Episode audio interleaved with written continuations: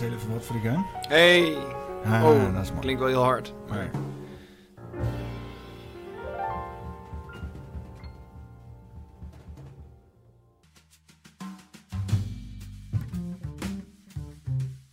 Poppenkast. Wat is dit voor een poppenkast? Poppenkast. Daar komt jouw fucking ego vandaan. En nu tijd nog wel. De komende uur halen. Ga je iets productiefs doen of ga je wiet roken? Want hij kan Ja, iedereen ja, ja. de moeder procederen. Ja. Een pittig gesprek. Of nee, toch niet? Raar. Oversterfte eh, is ontraden. Toneer gewoon op de poppenkast. Ja, ja, ja, oprecht ja. Ja, omdat, het, omdat het prachtig is. Rotterdam, Amsterdam, ik weet allebei niet waar dat ligt. Of dat er bestaat.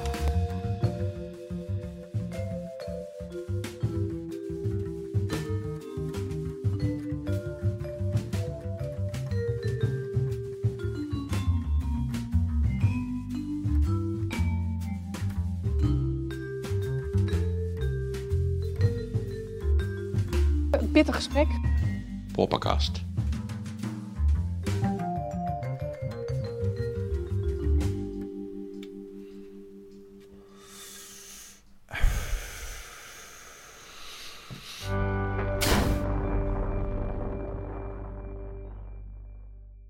Doc, Doc Collins. En zit is ook in de house.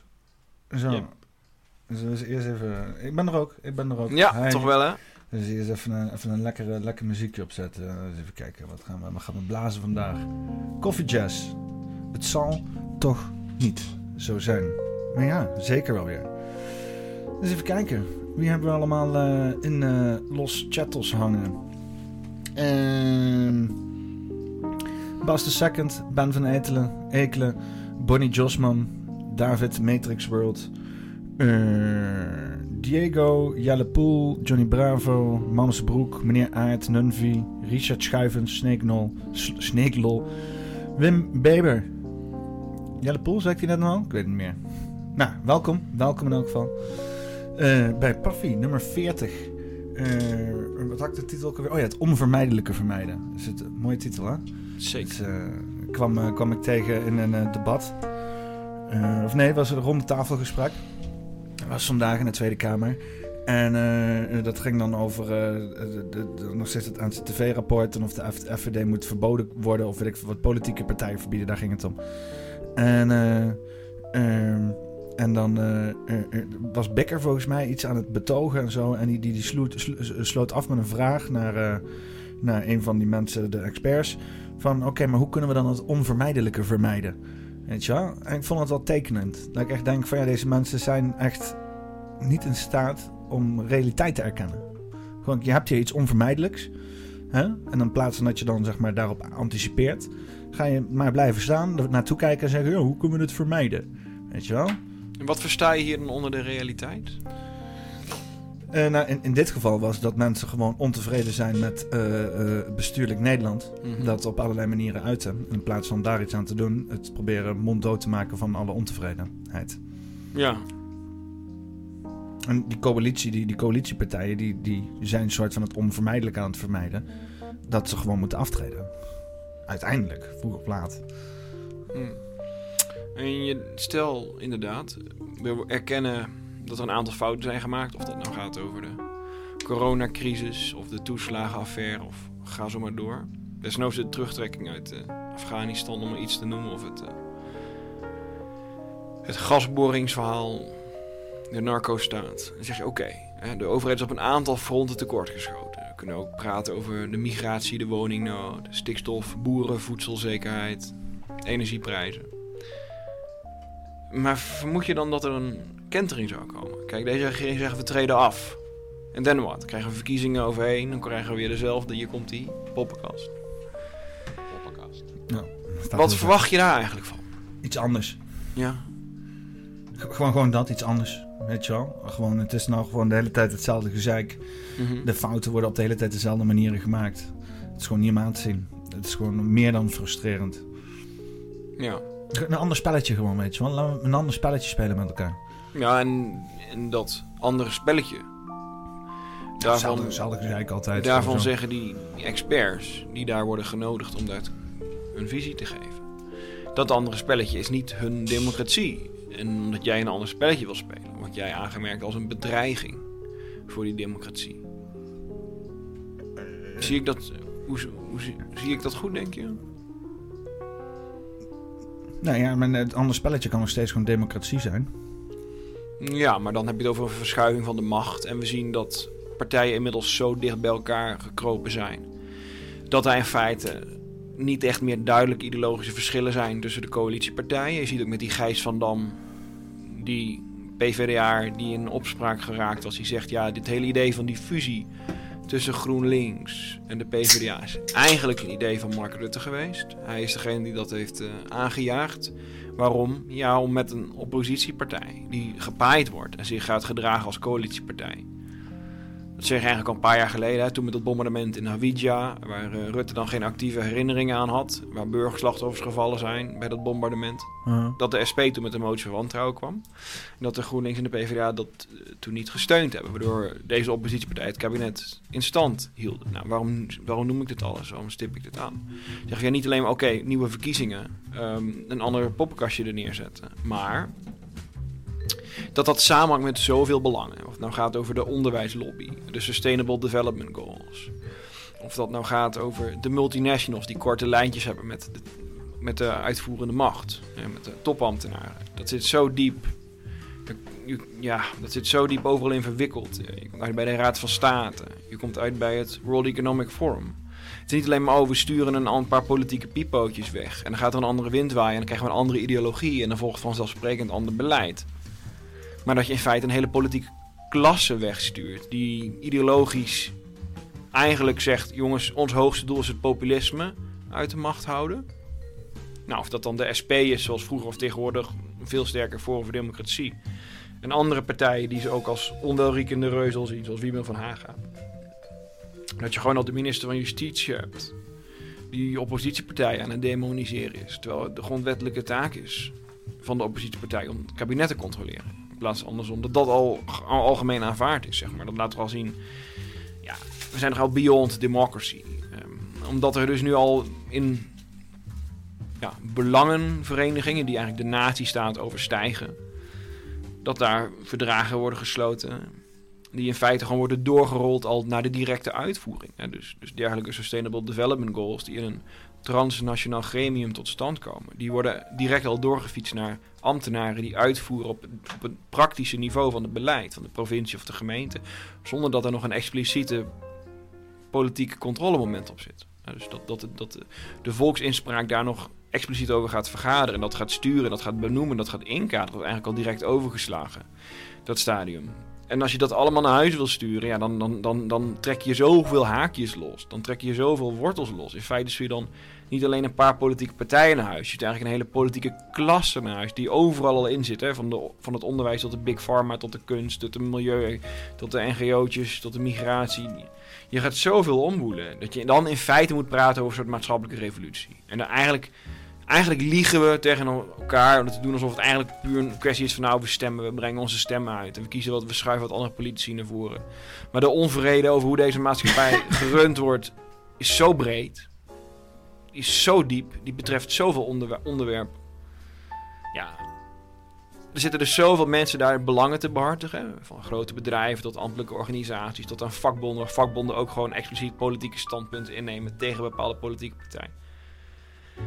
Ja, en al die mensen gaan er gewoon bij zitten kijken. Terwijl hun, ja, hun politieke marionetten weg zijn. Zeg maar. Gaan, gaan al die belangenorganisaties dan in één keer loyaal worden aan, aan de nieuwe ideologie die door het volk naar voren wordt gedragen? Natuurlijk niet. En iedereen weet met elkaar dat dat spelletje dus eigenlijk geen democratisch spelletje is. Dat je dan eigenlijk hebt over een totale maatschappelijke ontworteling. En alle chaos die dat oplevert. Daar gaat dit eigenlijk over. En, en, en wat is dan de endgame uiteindelijk? Ja, maatschappelijke onrust of zo. Maar ik bedoel, die, die mensen die dus nu zitten te nuilen over... oh, gevaarlijk voor de democratie. Oh nee, dit soort taal, dat kan allemaal niet. Die eh, vergeten erbij te zeggen dat dat een oorzaak heeft. En die oorzaak die laten ze de hele tijd buiten wegen. Want als dat ook besproken wordt van deze route die wij op aan het gaan zijn met z'n allen... Hè, eh, eh, die is te maatschappelijk onverrichtend. Kijk naar de onvrede in de maatschappij. Mhm. Als dat onder ogen gezet kan worden Ja. onder ogen gekomen kan worden. Vanuit Ja. die ene, vanuit de, want ik bedoel, hè, ze Mhm. doen het nog steeds alsof ze het beste met ons land Ja. voor hebben. Dat, dat moeten ze nog steeds verkopen. Mhm. Dus dan kunnen ze toch in ieder geval hè, dat in ieder geval doen alsof ze enigszins hè, ook zoiets hebben van: oké, we hebben hier heel veel onvrede in de maatschappij, laten we daar eens naar luisteren. Maar dat, dat, dat komt niet eens in de buurt. Het, is, het is letterlijk gewoon zo van: oh, hoe kunnen we die onvrede gewoon uitschakelen, zo snel mogelijk ja. ergens wegstoppen. Onzichtbaar maken. Ja, ja, ja, inderdaad. Onhoorbaar. Hoe kunnen we die, die, die onvrede, kunnen we die gewoon eh, zo ver mogelijk uitsluiten? Tot hoe ver mogen we gaan, weet je? Dat, dat hoorde ik uit het ronde tafelgesprek. Ja, en dan is het de vraag wie bepaalt dan de kaders tot hoe ver zij moeten gaan. Ja, dat zijn mensen uit hun eigen midden, uit hun eigen sociale kringen, met dezelfde ideologische overtuigingen. Ja, de coalitie gaat dat nu beslissen Precies. voor eh, de, de toekomst van de politiek. Ja, exact. Nou, dat is het. Dat, ja, ik, een jaar of vijf geleden gaf Sigrid Kaag er ook al een bepaalde speech. Waar ze best wel veel kritiek op kreeg. Toen gaf Kaag een speech. En ik weet heel veel mensen hebben erover gepubliceerd destijds.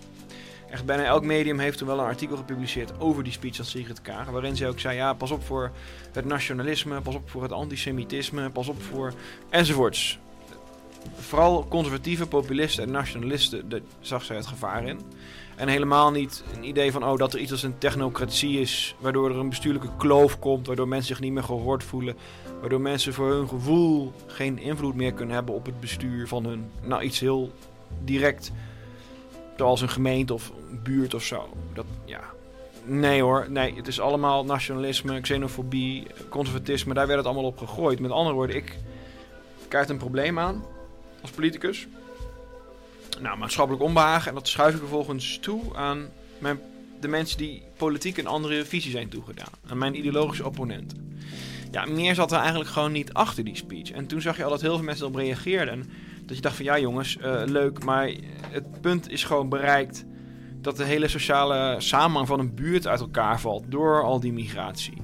Om iets te noemen. En dan kan je de mensen die dat agenderen toch niet op tot een eindige als racist blijven wegzetten. Dat punt zijn we toch al voorbij. Ja, maar hoe lang al? Uh, Pim Fortuyn was dat punt al bereikt op een gegeven moment. Dat zelfs... Maar je kan, je kan, aan het eind van de dag kan je natuurlijk Ja. iedereen wegzetten als racist. Hè? Ja, of als onruchtzaaier of complotdenker of een wappie eh, en allemaal dat soort termen. En uiteindelijk betekent het helemaal niks meer. En er is ook al een, een dame in een Vlaamse krant die zei... ja, we noemen jullie gewoon fascisten omdat de term zo lekker bekt. Hè? We weten dan dat we daarmee onze haat, onze afkeer tegen jullie ideeën uitspreken. En of je dan als historicus een sociologische reconstructie kan maken of je daadwerkelijk fascist bent, ja, dat doet er niet meer toe. Het gaat er puur om dat we je veroordelen en dat we je niet moeten. Daarom noemen we je fascist. Ja, dat werd dus al letterlijk in een krant opgeschreven, weet je. Maar net als met Misschien moeten we ze gewoon onze medefascisten noemen dan. ja, net als met dat klimaatverhaal. Ja, leuk dat je het klimaat wilt beïnvloeden. Maar dan werd toch gezegd, ja, zo'n Rob Jette, die, die rekent dan gewoon uit... ja, het is 0,00038 graden verschil dat deze miljardeninvestering dan maakt. Ja, oké, maar er slapen gewoon mensen buiten op straat. En, en alsnog willen we dan... Dat zijn dan onze prioriteiten, zeg maar. En, en leuk dat je iedereen in het openbaar vervoer wil hebben met je groene agenda. Maar het openbaar vervoer kan niet eens de vacatures opgevuld krijgen. Het openbaar vervoer kan niet eens al het materieel in de juiste staat behouden. Dus het zijn allemaal dingen die praktisch stuk lopen. Ook met het idee, iedereen moet eh, sharing cars hebben en, ieder- en iedereen moet duurzaam vervoer. Ja, leuk, maar we hebben gewoon heel veel buitengebied, wat heel ver afgelegen is. Eh, Over, eh, en dat rekening rijden en, dat, en die brandstofprijzen, weet je, het loopt gewoon vast op de realiteit. Maar ja, dan nog gaan ze door. Ik heb ook zo vaak gezegd, ja, het is alsof ze, alsof ze gehypnotiseerd zijn en ze rennen en ze rennen en ze knallen met hun kop tegen een betonnen plaat aan. Het bloed spuit ze uit de ogen, maar ze vallen neer en ze staan weer op en ze gaan weer rennen. Want ja, het moet toch voor het, voor het goede doel. Het ideaal is belangrijker dan de praktische haalbaarheid. Is dat die scène met Faulty Towers of zo? Dat die ridder de hele tijd zijn arm wordt afgehakt en dat hij maar blijft doorvechten. Totdat het op een gegeven moment alleen nog maar een rompje is. En nog steeds zegt van, ja, ik ga jou gewoon verslaan zometeen. En eh iemand wordt zijn kop afgehakt, weet je wel. Dan rolt die kop Ja. rolt zo over de ding. Die zegt, Maar nee, ik pak je nog wel, weet je wel. Het deprimerende hieraan is dat we weten dit eigenlijk allemaal al twintig jaar. Misschien nog wel langer. De, hoe vaak wil je terug? Ben je naar Janmaat terug? Ja, die had het dus over migratie. Nou, dat was een probleem. En ook, ook culturele versplintering. Daar, had, daar ging eigenlijk dat centrumdemocraten verhaal eigenlijk over. En dat kon toen nog een beetje worden weggezet als ja, een soort, soort, soort racistische agenda zit hierachter, zijn van die halve nazi's. Foei. Nou, toen kwam Pim Fortuyn. Nou, toen bleek, oh, inderdaad, eh, er is iets als een homogemeenschap en een Marokkaanse gemeenschap. En dat gaat niet helemaal lekker samen en daar moeten we iets van vinden of zo. Nou, dat kon al wat moeilijker worden weggezet als racistisch, maar ja, toch doodgeknald. Nou, dan kreeg je Wilders. Nou, en op een gegeven moment kreeg je een demonstratie van 100.000 woedende Turken die iets vonden van een referendum van Erdogan, waar behoorlijke rellen rond geweest zijn. Denk je, oh, er is toch iets verkeerd te gaan met integratie in dit land. We zien in één keer rood van de Turkse vlag in onze eigen binnensteden. What, what went wrong? Nou, allemaal ook weer met de... Toeteren voor Turkije. Ja, maar goed, dan heb je het alleen nog over het punt migratie en islam en integratie. Maar we kunnen het ook gaan hebben over de narco-staat. Of we kunnen het ook gaan hebben over de energieprijs. Of we kunnen het ook gaan hebben over de inflatie, de Europese Centrale Bank. Um, ja, je kunt het, dus, er zijn zoveel breuklijnen. Waar gewoon, waar gewoon al jaren geleden gezegd is: ja, jongens, dit gaat niet goed. Nou, laten we het eerst even gaan hebben over de boeren. Dat is ja, voedselveiligheid. Ja, nou, om stikstof, dat soort dingen. Ja. Hallo strijders, jullie hebben het ondertussen allemaal gehoord. We gaan naar Den Haag. Volgende week, de 29e, 10 uur. Jullie willen vast meer informatie horen, maar wij gaan eerst met de trekkerleiders vergaderen. Dat zal maandag plaatsvinden. Daarna komt er meer informatie naar buiten. Maar het belangrijkste, want we hebben het gevoel dat nog niet iedereen doorheeft wat er allemaal op het spel staat de komende tijd. Het NPLG wordt binnenkort door de Eerste Kamer heen geloodst. Dat wil zeggen, kort samengevat, het kaartje van Van der Wal, waar wij vorig jaar zo keihard tegen geprotesteerd hebben, dat wordt alsnog ingevoerd. En de provincies gaan braaf ja knikken. Ja, want ze hebben gewoon de centjes nodig. Ze willen graag geld beuren. Miljarden en miljarden. Drie keer meer als de staat heeft te vergeven, eisen ze de provincies. Dus dat gaat, als het aan de provincie ligt, allemaal doorkomen. Er is maar één manier om dit te stoppen. En dat is dat het CDA de stekker eruit moet trekken. De CDA, wat helemaal weggezongen is van hun eigen achterban. Waar niemand luistert naar de mensen in de provincie. Die denken dat ze stadse partij gaan worden. En je ziet wat er gaat gebeuren. Er is geen randstedeling die op het CDA stemt. Helemaal niks. En degenen die wel op het CDA gestemd hebben in het verleden, die lopen allemaal massaal weg naar de BBB. Ze zijn helemaal geen partij meer voor het platteland. Tot nu toe. Maar dat kan veranderen. Oh, dat is in de video. Waar komt dit gerommel nou vandaan? Is dat hier? Het kan veranderen. Ze kunnen ook... Maar ja, uh, in ieder geval een oproep om uh, in actie te komen, uh, weet je wel. Dus gaan de boeren gaan in actie komen. Heb dat nog nut, in actie komen? Ja, maar dan kom je wel echt op de grenzen van wat je nog wil uitspreken in zo'n podcast. Kijk, ik... Um, ik heb natuurlijk een heleboel boeken geschreven. Gewoon, meer met wat er al gebeurd is, zeg maar. Wat er al gebeurd is, alleen dan meer van dat. Beetje met tracks rondrijden en zo. Nou ja, als de boeren en de trekkers tegelijkertijd gaan... Als de bouw en de boeren tegelijk gaan staken. Ja, dan... En de vrachtwagens eigenlijk ook. Ja, ja, ja, ja. En als je een beetje geluk hebt, dan heb je natuurlijk ook nog de Extinction Rebellion en de allochtonen die wat willen. En dan moeten ze hun aandacht wel heel erg gaan verdelen over heel veel... Je hebt nog de, de, de kick-out uh, Zwarte Piet en zo. Als je, maar als iedereen tegelijkertijd gaat, gaat protesteren, kunnen, ja. Kunnen Extinction Rebellion en de boeren samen protesteren? Denk je het wel? Is, is dat, zit, daar, zit daar overlap in belangen? Ja, ik denk het wel.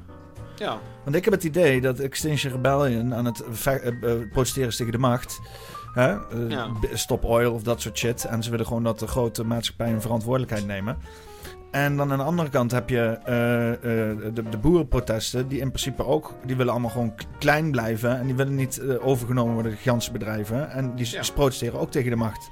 Om gewoon met rust gelaten te worden. Ja. En dan kunnen zij ook voldoen aan in principe enige eisen die Extinction Rebellion heeft. In ieder geval als dat niet... Uh, nou ja, het is als dat binnen, binnen redelijke maat is. Want sommige, eigenlijk... sommige zijn ook wel echt anti-boer gemaakt. Nog, nou, hè? Ja, natuurlijk. Maar het is ook veel makkelijker samen te vatten, Peter. Oftewel, we staan allemaal samen op. Oftewel, we worden allemaal afzonderlijk opgehangen. Zo simpel is het gewoon. En zelfs allemaal linkse groepen waarvan je zou zeggen van... Goh, hé, ik sympathiseer wel met die standpunten, met die doelen. Ja, ik ben ook sceptisch over. Maar als, we hebben het nu puur over mensen die nog überhaupt de wil hebben. Je hebt wat doen, daar had je het over. De mensen die nog de wil hebben om in de veren te komen. En of dat nou links of rechts is, of dat nou Pegida is of, of wat, of Extinction Rebellion, het doet er eigenlijk niet meer toe. Gewoon alle mensen die van hun kont afkomen, ja, die moeten allemaal tegelijk gaan. En als dat niet gebeurt, ja, dan zullen uiteindelijk ja, ja, de technocraten. Dat zal alles gewoon door blijven rollen en doen. En je kan zeggen, ja, maar, maar als dat echt gaat gebeuren, zit. Hè, als, als, als al die groepen allemaal tegelijk gaan demonstreren, ja, dan dondert de hele sociale orde misschien in elkaar. Willen we dat dan? Ja, nou dan kom je op die wezenlijke vraag. Dan kom je op de vraag, wat wil je? Wil je continuïteit of wil je disruptie? Ja, we zien nu wat die continuïteit is. Dat zien we nu al verkiezing op verkiezing. Dat is een kabinet dat valt en dat toch doorregeert over zijn eigen graf. En dan kan je met analyses komen, met, met discussies, met argumenten. Ja, dat snijdt allemaal geen hout meer. Het, het, draagt allemaal... Het is alleen maar water naar de zee dragen, wat we doen. En dan, en dan is het uiteindelijk kun je alleen maar in je eigen ziel kijken. Volg je hart, volg je intuïtie. En wil jij in een totalitaire maatschappij leven? En als je dus praat over het verbieden van een politieke partij... Die zegt mensen gaan vooral stemmen. Mensen wordt politiek actief. Ga je gemeenteraad actief volgen. Laat van je horen. Ook zelfs tegen laaggeletterdheid is FVD eigenlijk allemaal maatschap- maatschappelijk participatieve doelen. En waarvan je zegt, nou, daar, daar is eh, zelfs links zou er eigenlijk achter staan als je zegt tien jaar geleden. Is FVD trouwens wel voor... eh, Zelfs dat moet verboden worden. Ja, dan ga je toch wel toe naar een totalitaire staat, vind ik. En ook als jij dus een minister hebt die in feite in een toespraak Kamerleden demoniseert. In plaats van in wat jij zegt maatschappelijk onbehagen. Eh, Ja, kijk, het is toch de taak van de oppositiepartijen om dat aan te kaarten. Ja, nou, Wilders had het toch al twintig jaar geleden over migratiestop. En, nu is het punt bereikt dat er gewoon nauwelijks huizen meer beschikbaar zijn. En de, de verzorgingsstaat is, de, het kan het allemaal niet meer aan. En dat punt is nu echt bereikt. Je merkt in de teruglopende kwaliteit van leven. En als je ervan zegt, iets van zegt van, goh, ja, nog steeds word jij dan als een racist of een fascist weggezet. Dus er wordt gewoon niet geleerd het argumenten. Dus dan kom je inderdaad op een soort ja, massale de- demonstratie van gebundelde krachten. Of je moet het gewoon opgeven. Hoe staat FVD trouwens tegen... eh, eh, eh, ja, ik, ik, ik vind klimaat vind ik sowieso onzin, want dat is, dat is buiten ons om gewoon. Maar milieu? Weet je wel, milieuvervuiling en al dat soort zaken. Ja, nou, je, en, je kan dus milieu en klimaat heel goed uit elkaar trekken. Ja, ik, ja, maar ik- klimaat be- beïnvloeden is sowieso een beetje... Een beetje ja beetje maar dan zegt Rob. Jetten letterlijk... Ja, ik heb het vroeger uitgerekend, meneer... en het zal u 0,00038 besparen. En nog een paar nullen. Ja, Ja. leuk. Maar dan ga je dus miljarden kaalslag plegen... terwijl, terwijl zoveel ondernemers fa- failliet gaan... en de gekste dingen en de coronaschuld nog terug moeten betaald worden. China stoot in één, jaar, in één dag uit wat wij in vijf jaar willen gaan Ja, besparen. maar daarom heb ik dus een hekel aan de vraag: wat kun je nog doen? Wat moeten we doen? Want we zijn nu al tot de conclusie gekomen in het gesprek van 15 minuten dat een steekhoudend, gezond verstand, rationeel wereldbeeld van god, het is misschien niet zo gek idee om eigen boeren te houden, weet je. Het lijkt me wel verstandig als je ziet met een corona hoe sneller een wereldwijde crisis kan zijn, dat grenzen op slot kunnen, dat bevoorrading niet zeker is. Misschien is het wel zo verstandig dat zo'n hongerwinter en zo, dat hebben we bewust, billen bewust niet meer. Dus daarom hebben we die boeren een beetje opgepimpt. Laten we dat vooral even goed houden. Ja, weet je, dat gezond verstand is gewoon weg. Op alle fronten, Ja, je, alle hebt hier, je hebt er ook gewoon heel veel vruchtbare grond. Ja, dat- Zonde om vruchtbare grond om op, daarop te bouwen. Ja, nou, en dus ook, eh, dan gaan we tegenwoordig zonnepanelen opleggen. En, en je kan met rationele argumenten gewoon niks meer bereiken, Peter. Is de Uh-huh. geluid weggevallen? Oh nee, ja. praat jij eens nu? Praat. Praat iets harder in de microfoon. Hallo? Nog iets harder? Hallo? Ja, ja, ja. ja. Ja, kijk, ik heb een boek geschreven, Links en Rechts in Dialoog. Met een poging tussen links en rechtse mensen om samen naar de waarheid op zoek te gaan. Elkaar te weerspreken met rationele argumenten en steekhoudende analyse. En, en, en links heeft elkaar toen een beetje de tent uitgevochten van... oeh, je moet het geen platform willen geven. Je moet het niet groter maken dan het is. Dus dat liet heel erg zien de grenzen aan die rationaliteit van het publiek discours. Dat, dat er eigenlijk maar heel beperkt ruimte is. En je ziet dat nu toch ook. Alle, alle rationele argumenten worden toch gewoon van tafel geweest. Zoiets van, goh, waarom is de zorg eigenlijk nooit opgeschaald? En dat soort dingen. Waarom is er bezuinigd op ICT en IC-capaciteit en zo? Waarom? waarom? Is wel een- waarom? Allemaal dat soort rationele vragen. Dat is, Van- is wel een mooi bruggetje dit, naar het volgende onderwerp. Over, eh, over gezondheid gesproken. Ja. Weet je wat eh, Bill Gates namelijk van plan is? Eh, WHO-wetenschappers en minister Ernst Kuipers. Oversterfte is ontraden. uh, waarschuwen voor ziektedragende muggen die zich verspreiden door heel Europa. Het is een kwestie van tijd voordat tropische ziektes als malaria en gele koorts ook in Nederland voor slachtoffers zorgen, voorspellen zij. Uh, Bill Gates investeert al zeker 10 jaar in genetisch gemanipuleerde muggen om dit tijd te keren. Zo stelt hij. Zo stelt hij. Aan de goede bedoelingen van miljardairen en het ingrijpen in de natuur wordt ernstig getwijfeld. Als je deze muggen eenmaal in het milieu loslaat, dan kun je ze niet meer terugroepen. Uh, even kijken. Uh, klein stukje. Uh, in, ik zal even klein stukje inzoomen, kunnen mensen ook een beetje meelezen. In januari 2022 waarschuwde viroloog Marion Koopmans voor een uh, virusdreiging met muggen. Ze sprak haar vrees uit voor virusverspreiding van tropische ziektes als malaria, knokkelkoorts of het Zika-virus in Nederland. Dit is echt een risico voor de volksgezondheid, want het gaat niet om een paar verdwaalde tijgermuggen. Al dus de projectleider van het Erasmus Medisch Centrum te Rotterdam. Er zijn al uitbraken onder vogels in Nederland, maar gelukkig nog weinig onder mensen. We willen er klaar voor zijn als dat wel gebeurt. Gezondheidsminister Ernst Kuipers vaart blind op de waarschuwingen van Koopmans. Doe meer gewoon op. Oversterfte is ontraden. Ik moet nog eens een keer het volume kunnen regelen van de muziek en de, de dingen apart. Dat werkt niet helemaal goed. Maar ja, in ieder geval. Uh, de wetenschapper die onder vuur ligt vanwege het verspreiden van onjuiste informatie over de oorsprong van het coronavirus. Wat is ook al vaag is, want daar is al de hele tijd allerlei discutabele shit over. Maar ja, fijn. Uh, klimaatverandering zal uh, de kans op een pandemie in de toekomst vergroten, gaf minister VWS aan in, in debat over de pandemiewet op 17 mei. In hete zomers betekent dat echt wat voor infectieziekterisico's. Wat denk je? Een uh, muggenlockdown of zo? Ja, we zijn natuurlijk al uh, lang bezig met de mug. En er kan de mug totaal uitgeroeid worden. Daar zijn ze ook over na aan het denken. Door bijvoorbeeld een genetisch gemodificeerde mug in het wild los te laten. Die ervoor zorgt dat de mug onvruchtbaar wordt. En dat de mug met de tijd gewoon helemaal verdwijnt uit het ecosysteem. Daar wordt ook al over nagedacht. Ja, is misschien wel wat voor te zeggen. Maar ja, goed, het is wel met die dingen zoals je eenmaal een ecosysteem ingrijpend verandert. Ja, je draait het niet meer terug. Maar moet je... Uh, hier, je hebt Eh, laser zaps mosquitoes. Scientists have developed a handheld laser that can kill mosquitoes in high volume. And they're hoping that this will help combat one of the world's most deadly diseases. A high-speed video camera that captures up to 6,000 frames per second was used by a company called Intellectual Ventures to show the invention in action.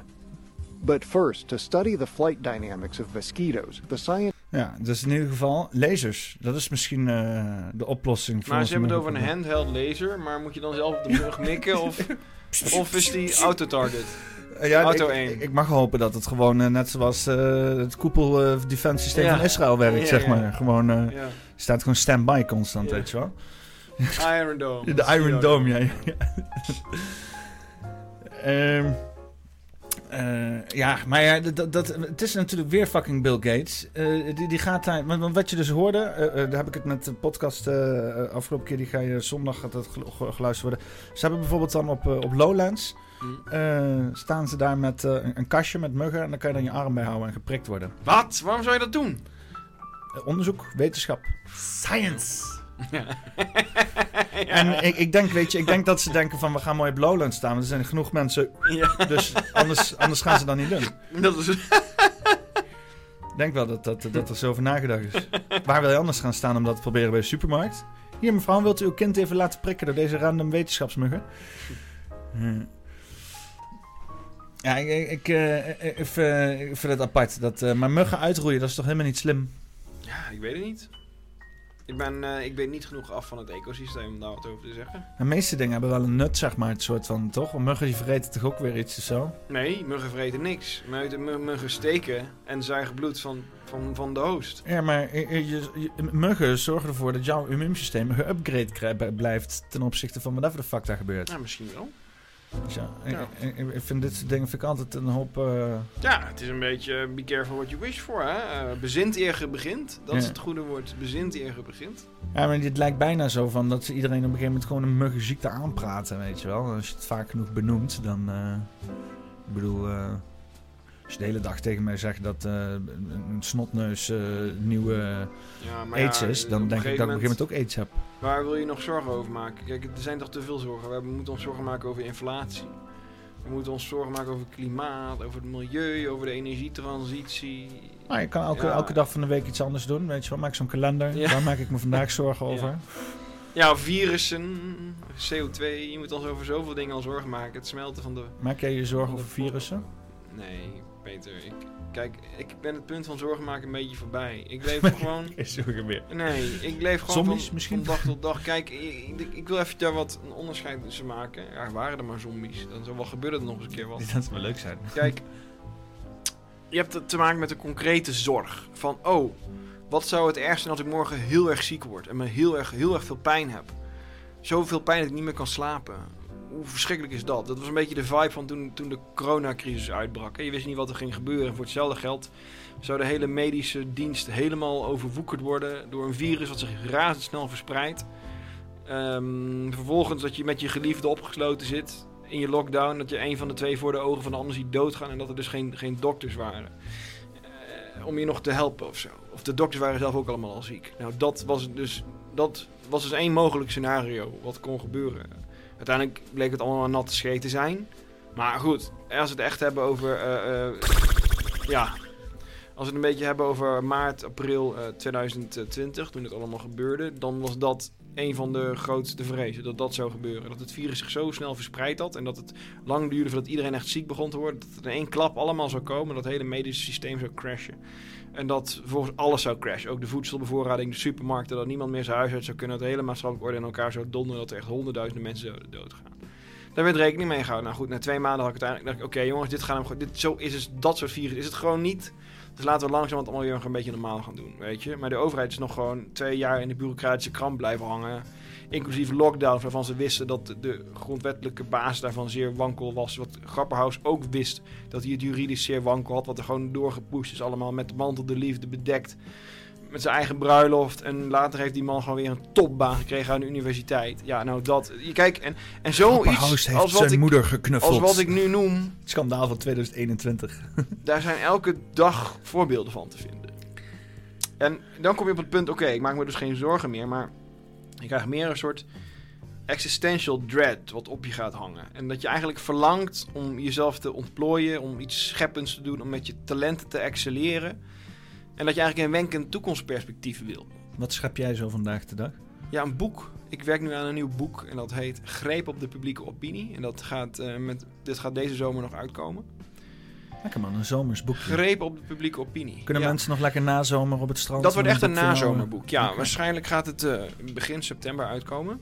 Heeft de kaft dan net zo'n florisante uiterlijk als jouw Het wordt een hele mooie kaft. Oh. Ja, ik heb de kaft al gezien. Het gaat echt een mooi boek worden. En dan ga ik dit allemaal nog eens een keer uiteenzetten. En het punt is een beetje dit. Dus op dat moment denk ik, ja, ik maak me nergens meer zorgen over, weet je. Want We hebben alles al voorbij zien komen. Als ik me nu nog zorgen ergens over moet maken, ja, dan is het al wel, eh, waar al nog over dat ik dood ga. Nou, who gives a fuck, weet je. Ja. Alles is toch al wel een keer voorbij gekomen van, van, van, Klinkt alsof je vrij bent. ja, maar Vrij van zorgen in elk geval. Ja, ben ik ook. Ik leef gewoon van dag tot dag. Kijk, ik had, ik had een jaar of tien geleden allemaal ambities. Hè. Ik wilde docent worden op een universiteit. Ik wilde academische publicatie. Ik wilde boeken schrijven. Ik wilde columns schrijven. Ik wilde het volk verheffen. Ik wilde cursussen geven. Ik wilde op het Europees Parlement, op de Europese Unie. Ik wilde netwerken. Ik wilde, ik wilde beleidsmedewerker zijn. Ik wilde nadenken op het hoogste niveau. Nou, helemaal gedaan, Dat toch? heb ik allemaal gedaan. En, het- en hoe hoger je komt, hoe, hoe meer je de leegte van de macht ziet. Weet je? En een vriend van mij die zei: Ja, Sid, weet je wat het is? Ik heb in, eh, mijn hele leven lang kutbaantjes gedaan. Worsten draaien bij de slager, vakken vullen. En eh, nu zegt hij: Ik heb zo nu zo'n 2000 euro per maand. Ik heb nu eindelijk voor het eerst in mijn leven een normaal huis. Met een normale ruimte, een normale vriendin. Alles gaat eigenlijk wel lekker. En voor het eerst van mijn leven kan ik zeggen: Ja, ik ben eigenlijk wel gelukkig. Dus zit de les hieruit. Er zijn kansen zat. Er zijn kansen zat. Maar dan denk ik, ja, leuk, maar dat is dat niveau van die worstendraaier in de supermarkt. Ja, eh, dat is gewoon worsten draaiend de klif af. Ik heb ook worsten Ja, gedraaid. wat tof. Ja, maar het is gewoon worsten draaiend de klif af. Want als jij eenmaal... Dat, ik heb al zo'n tien jaar geleden gedineerd met de commissaris van de Koning... en de directeur van het Berlaymont. Dat is het hoofdkwartier van de Europese Commissie. En als je eenmaal de leegte achter de macht ziet... Ja, dan kan je niet terug naar dat niveau van die worstendraaier. Dat Nee. kan gewoon niet. En je ziet gewoon dat deze maatschappij gewoon de klif af, afdondert. Aan alle kanten. En dan kom je dus op dat niveau van... Oh, ik maak me geen zorgen meer. Van, oh, ik zou ziek worden. Oh, ik zou doodgaan. Oh, wat dan als ik pijn heb? Ja, nee. Dan kom je op het niveau van... Ja, ik zoek eigenlijk iets, iets scheppen met een bepaalde diepte en een bepaalde verheffing daarin. En dat mensen het ook kunnen waarderen vanwege de gelaagdheid die het heeft. Dat je het kan afpellen als een mooi kunstwerk met verschillende lagen, verschillende niveaus, waar je van kan genieten en wat iets, wat iets van een eeuwigheidswaarde overdraagt aan de volgende generaties. En dat je daar al je talent en al je passie in zou willen stoppen ik en al je visie. ik snap maar dat is allemaal eh, niet meer te doen. Dus waar kom je op uit? Je komt gewoon uit op een uur of drie, vier per dag Supreme Commander spelen. En dit zal allemaal wel. Je kan wel weer een keer naar het provinciale staten gaan. En dan zie je weer hoe die BBB wordt ingepakt door het CDA en de VVD. En hoe ze eigenlijk de boeren willen redden. Maar tegelijkertijd toch tekenen voor alle Sustainable Development Goals. Alle energietransities, alle stikstofverdragen toch ondertekenen. En dan maar hopen dat de halverwege de, de wal het schip keert. Dat ze in één keer een ruimte zullen krijgen die ze puur vanuit de bureaucratische formaliteit sowieso niet zullen krijgen. Dat ze eigenlijk tegen zichzelf liegen om aan het plusje te kunnen vasthouden. En dan kan je weer naartoe gaan, dan kan je vragen stellen, dan kun je interrupties en interventies. Het heeft... Peter, we hadden dus laatst bij Arnhem. Willen ze de centrumbaan dichtgooien? Of in ieder geval niet dichtgooien, maar ze willen daar een hele hoop Langs het en zo? verkeerskundige... Ja, want het verhaal was Het is, dit. ook, het is ook een tyfuszooi, hè? Ja, maar goed, laat me even een punt maken. Deze microfoon doet het trouwens niet. Ja, ik En nu hoor weer het, wel. ja, nu weer wel. Het punt is dit. Kijk, Arnhem is gewoon qua wegennet zo ingericht als je door de stad heen wil. Dat je toch 9 van de 10 keer wel door die centrumbaan heen zal moeten rijden. Althans, de auto's. Je kan er omheen, maar dan ben je 20 minuten langer onderweg. En dan is de vraag, dat leidt tot het, meer verbruik van brandstof. Nou, met de stijgende brandstofprijzen kunnen mensen dat ten eerste niet betalen. En ten tweede krijg je dan ook de vraag: ja, jullie zijn toch groen, jullie zijn toch duurzaam, dus hoe, rijden, hoe dragen al die extra kilometers bij aan jullie groene ambities? Je hebt ook weer ergens anders een opstopping. Ja, maar goed, dan krijg je dus dat, dat mensen het voor elkaar krijgen om gewoon anderhalf uur te lullen over sluipverkeer. Zonder dat die ene vraag geadresseerd wordt. Ja, Ja, dat is onzin. Ja, Eh, dat is zo, gewoon- zo, zo kunnen ze niet gaan praten over eh, iets ook maar ergens afsluiten. Want alles staat al van voor naar achter helemaal vast. De hele dag. Zonder extra infrastructuur bij te bouwen. Als zij niet gewoon eh, de A15 eh, door weten te trekken op de A12 de komende vijf jaar. Als zij niet gewoon een extra wegbrug langs die sporen neerleggen, weet je wel. dan, dan, krijgen we dan- gewoon, dan krijgen we niks. nou en dan kom ik dus op het niveau, maar dit wisten we allemaal al 5, 6, 7 jaar geleden. Dus dan kom ik op het niveau, ja, wil ik dan dit rieltje nog een keer afdraaien? En nog een keer met gezond verstand, kraakheldere argumentaties, het licht van de reden, nog een keer de feiten op tafel leggen. Met lui die gewoon vanuit één, ideologische oogkleppen en, en twee, belangen achter de politiek. Gewoon, ze hebben andere belangen. Ja, dat ga je dus op basis van argumenten en discussie, ga je die belangen niet veranderen. Wil je dan niet daar je energie in steken? En denk ik, ja, dan ga ik nog maar een paar uur per dag Supreme Commander spelen. Dan zet ik gewoon even mijn hele gedachten uit. Dan ga ik, ga ik 3000 units op een map van 40 bij 40 kilometer individueel aansturen, individueel upgraden. En dan hoef ik daar niet meer aan te denken. Want het is of dat, of verhuizen naar het buitenland. Of je moet een soort opstand tegen de macht gaan ontketen. Nou ja, goed, dan ga je waarschijnlijk eindigen of dood de tralies. Of je wordt... Nou, en helemaal nu al die partijen onder de, onder de vergrootglas liggen. Gaan mensen ze verbieden, verlies je je inkomen. Allemaal dat soort flauwekul. Maar ben je niet benieuwd hoe ze... Ja. hoe ze, hoe ze Wat verwacht je nog van mij? Of ik vertel de waarheid, of wat? wat, wat ik heb een beetje, oké, ik heb een enorm talent, maar wat verwacht nu op, op deze, dit moment in de maatschappij? Ik heb natuurlijk al via de VVD en alles geprobeerd om mensen op, gewoon op een rationele manier, ook met een links en rechts een dialoogboek, gewoon op een rationele manier de zaken, zaken neer te zetten. Ik verwacht helemaal niks van jou eigenlijk. Ja, maar ik verwacht wel iets van mezelf. Hè. Kijk, ik, ik had... Ik had Maar, maar, maar is, is boeken schrijven voorlopig niet voldoende? En dan inderdaad een beetje Supreme Commander. Gewoon voor de lol. misschien wel, maar En even afwachten, maar ik heb het over die existential dread. Ik heb het dus over dat, over dat gevoel van, van, van, van leeggezogen zijn. En over dat gevoel van... Je weet al dat het... Nee, kijk, ik zag een hele mooie documentaire ook van eh, Arnold Schwarzenegger. Dat vond ik echt mooi. Ik had een documentaire over Arnold Schwarzenegger. En hij beschrijft dat hij als een klein jongetje... Dat hij eh, Oostenrijk wilde ontstijgen. Want het was een, was een heel erg burgerlijk doods dorpje. En hij zag posters van Amerikaanse filmhelden. En hij wilde ook zo zijn. En toen ging hij... De hele dag ging hij bodybuilden. En hij had ondertussen ook nog in het leger gediend. En zo, hij moest op voor de dienst. Hij was tankcommandant nog even geweest. Maar dat hij gewoon de hele dag door aan het bodybuilden was, die Schwarzenegger. En dat hij zo monomaand gefixeerd was erop. Gewoon de hele dag bodybuilden. En dat, en dat op een gegeven moment zei, ja, ik zal een groot persoon worden. Ik zal groter worden dan Oostenrijk. Ik ga naar Amerika. Ik ga beroemd worden. Ik ga bekend worden. En hij zei, je zit dan de hele dag met gewicht in je arm. En dan heb je heel veel tijd om na te denken. En die tijd, zei hij, besteed ik aan mijn visie. Dus ik had het helemaal voor me gezien van, van wat er zou moeten gebeuren en hoe mijn leven eruit zou zien. En dat ik de kampioen zou wonnen. En ik zag mezelf op het podium staan. Ik zag hoe hard ik zou werken om al die doelen te bereiken. En hoe mijn leven erdoor ging veranderen. Ik zag het allemaal kristalhelder voor me. Ik, ik werkte gewoon harder en ik had gewoon meer visie. Dat is wat hij zegt. En ja, dat ken ik wel. Want ik was, ik was ook zo. Hè. Ook, ook toen ik Avondland Identiteit schreef. Weet je, ik pakte mijn pen op en alles viel gewoon in elkaar. En ik, ik was tijd, ik, eigenlijk was ik mijn proefschrift aan het werk. De democratie en haar media. En, en terwijl ik eigenlijk andere dingen aan het doen was en zo. En ik volgde nog een beetje de gemeentepolitiek. En ik, hey, op, op de achtergrond van mijn eigen gedachten vielen in één keer een heleboel gedachtenbrokken in elkaar.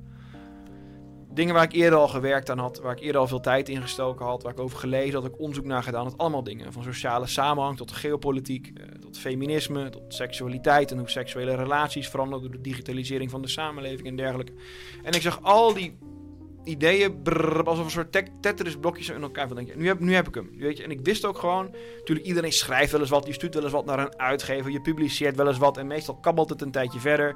Vier van je vrienden lezen het en dan hoor je er niks meer over en dan verdwijnt het. Of een uitgever stuurt nog een keer een brief terug van ja, je hebt talent, maar dit gaat hem niet worden of zo. Of wat dan ook. Maar ik wist gewoon, nee, dit gaat uitgegeven worden, het gaat een succes worden. Gewoon, weet je? Dus wat Schwarzenegger zei over die visie, dat herken ik helemaal uit die tijd. Want ik ging gewoon, terwijl ik met mijn proefschrift bezig was, schreef ik tegelijkertijd een heel ander boek over een heel ander onderwerp. En ik wist gewoon, dit gaat succes worden. Ik heb hier goud mee in handen. En dat gebeurde ook, want het boek kwam uit en Dirk Jan Epping geef een nawoord. Thierry Baudet vond het geweldig. Ik kwam bij Studio Pound om erover te praten. Bij Echte Janne ging het erover. Mark Rutte kwam, ging met het boek op de foto. Het begon echt te landen. Het werd aan allerlei tijdschriften. De NRC schreef erover. En, nou, zelfs er kwam een Duitse vertaling. Nou, het werd- echt... Wow, het ging echt lopen, zeg Hoe maar. heet het in het Duits?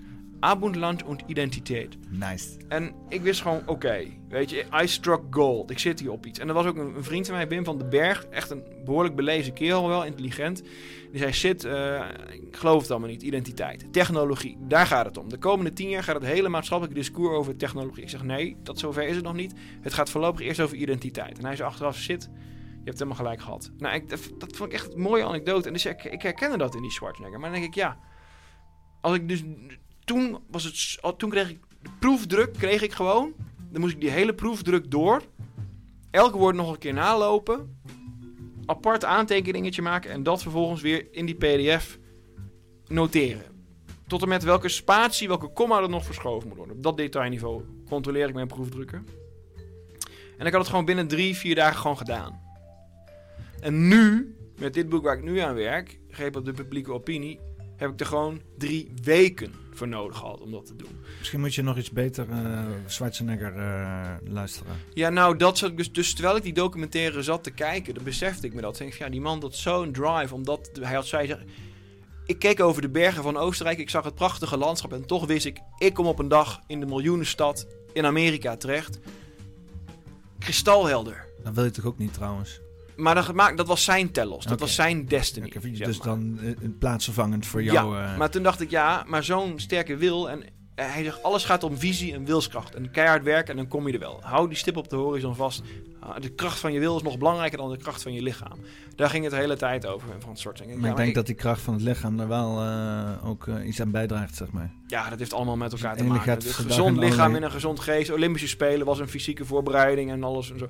Oké, dat weten we allemaal wel. Maar bottom line is Gewoon ripped zijn als een motherfucker. dat ik Dat doet een man van- goed volgens mij. Dat ik dus dacht van ja, weet je, ik, echt die, die power of will om echt iets gedaan te krijgen. Ja, het, is me wel weer gelukt vorig jaar. Ik heb met het realistische allochtoon en zo echt gewoon alles op alles zit om weer 10.000 euro binnen te halen.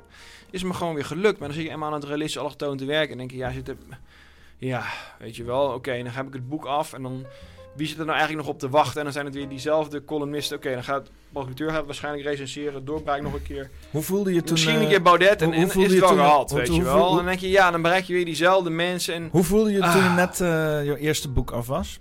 episch. En echt meteen daarna toen die af was gelopen, eh, toen, je dat schreef, toen had je meteen zoiets die dag daarna, twee dagen daarna zoiets van episch.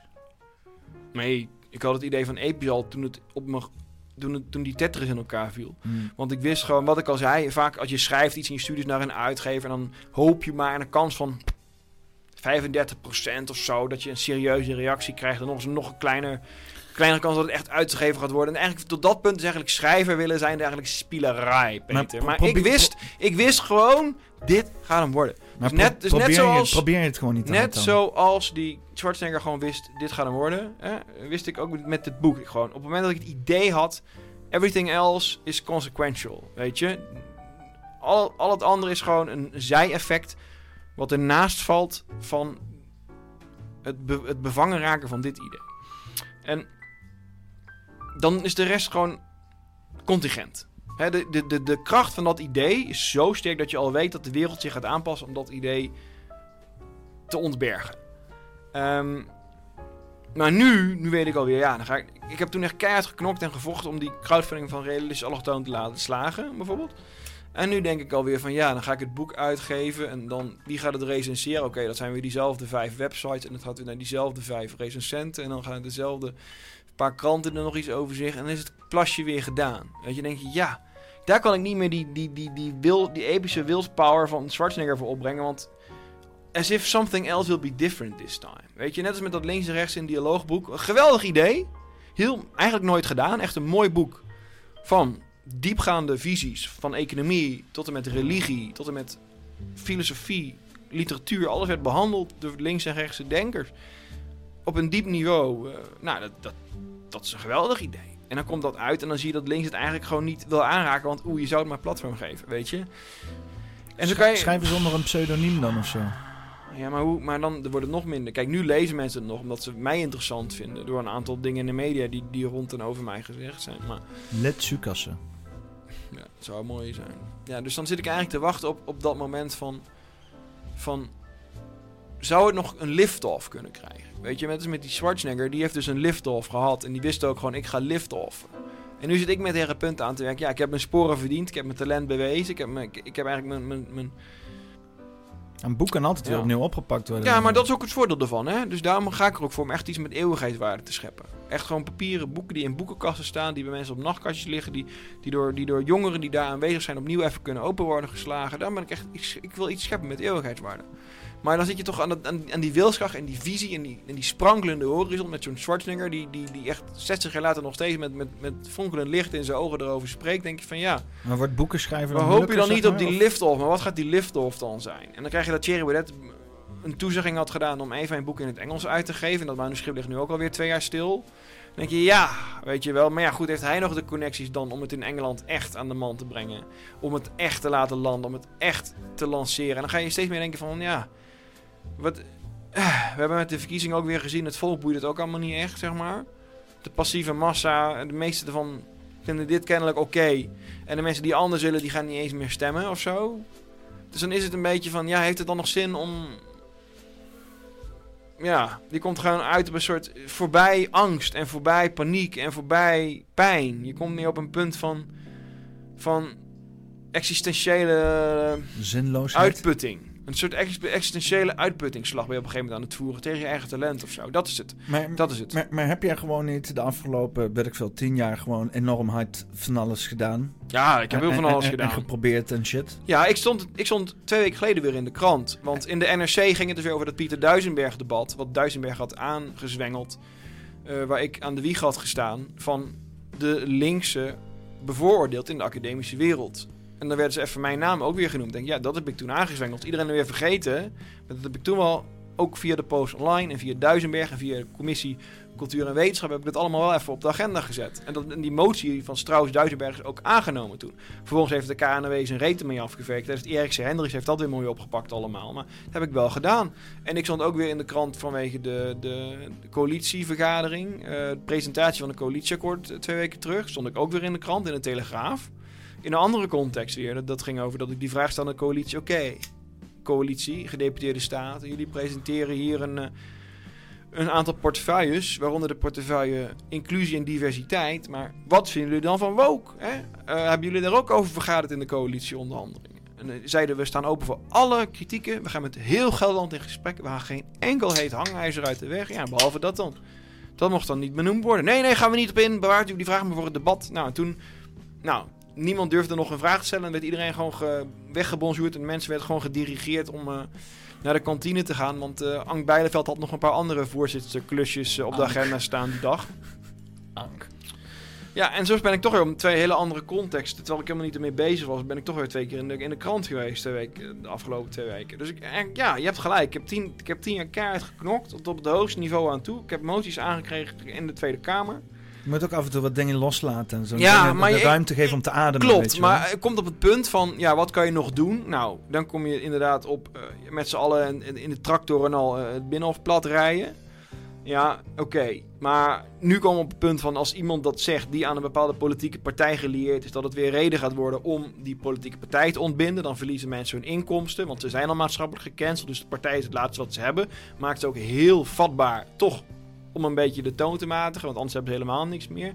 En dan kan je eigenlijk ook niet meer tot op het scherp van de snede denken. En, en dat merk ik ook wel. Ik merk, ik zit in een soort media-ecosysteem. Ik merk de laatste paar weken al, iedereen is echt... Iedereen staat op zijn teentjes. Iedereen is heel bang en iedereen is een beetje benauwd. En iedereen houdt toch wel het hart vast van... Oeh, wat gaat er gebeuren? Ze zijn veel voorzichtiger geworden. Ze publiceren niet meer zomaar alles. Ik vind en, het een eh, Ik merk het. En ik heb gewoon jullie steun ook nodig. Jullie moeten me even steunen via backme.org. Dat ik gewoon onafhankelijk kan blijven tegen alle bullshit in. Zorg Mag, ervoor. hè? Mag. Zorg daarvoor. Ja, nee, moet. moet. Nou, we moeten niks. Ja, moet wel. Ja. Het, is, het is de dood of de gladiolen, Peter. Eh, eh, eh, ja. Er is geen hoger goed dan vrijheid van denken, toch? Ik, ik geloof, ik geloof dat, eh, dat eh, eh, niet te veel druk eh, meer effect kan hebben, zeg maar.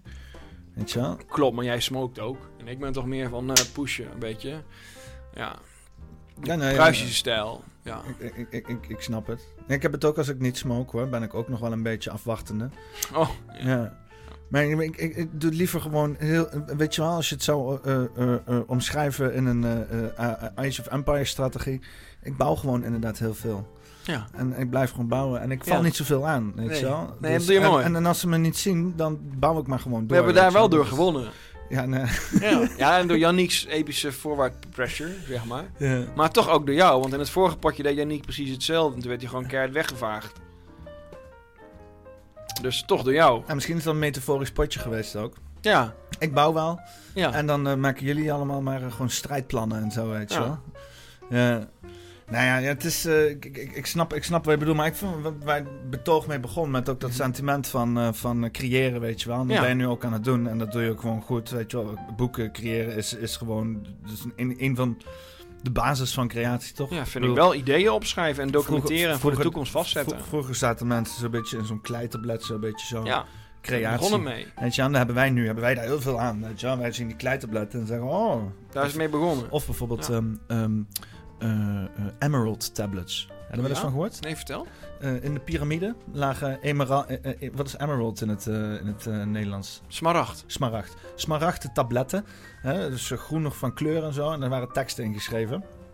En eh, dat, dat, dat lijken een soort van Atlantische-achtige pre-Sumeriaanse. Dat is eigenlijk die Sumeriaanse teksten die daar, eh, Mhm. die daar ook op staan.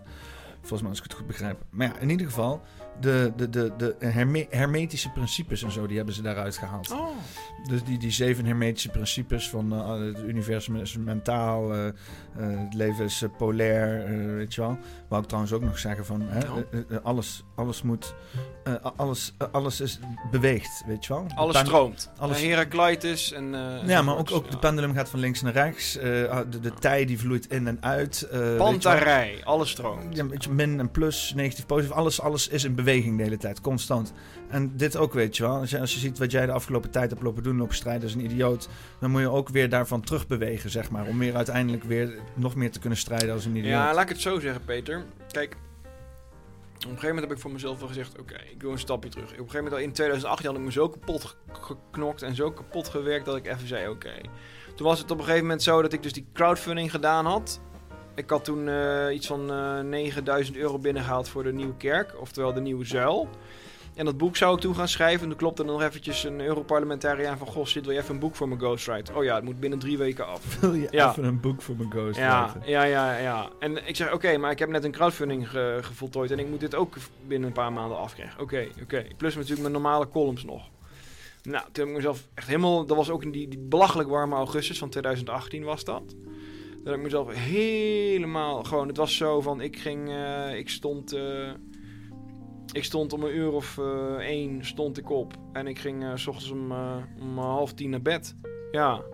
Ja, het was, ik stond één uur 's middags op of zoiets. En ik ging half tien s ochtends weer naar bed. Gewoon werken, werken, werken, werken. Het was te heet ook en zo. Het is, Ja, het, Ja. Is, het is ook warm. ja, het was, het was echt gewoon belachelijk allemaal. En ja, ik, eh, ik eh, was echt eh, helemaal kapot gewoon. En toen ben ik op een gegeven moment ook in het ziekenhuis terechtgekomen. En denk, ja, dit gaan we niet meer doen, jongens.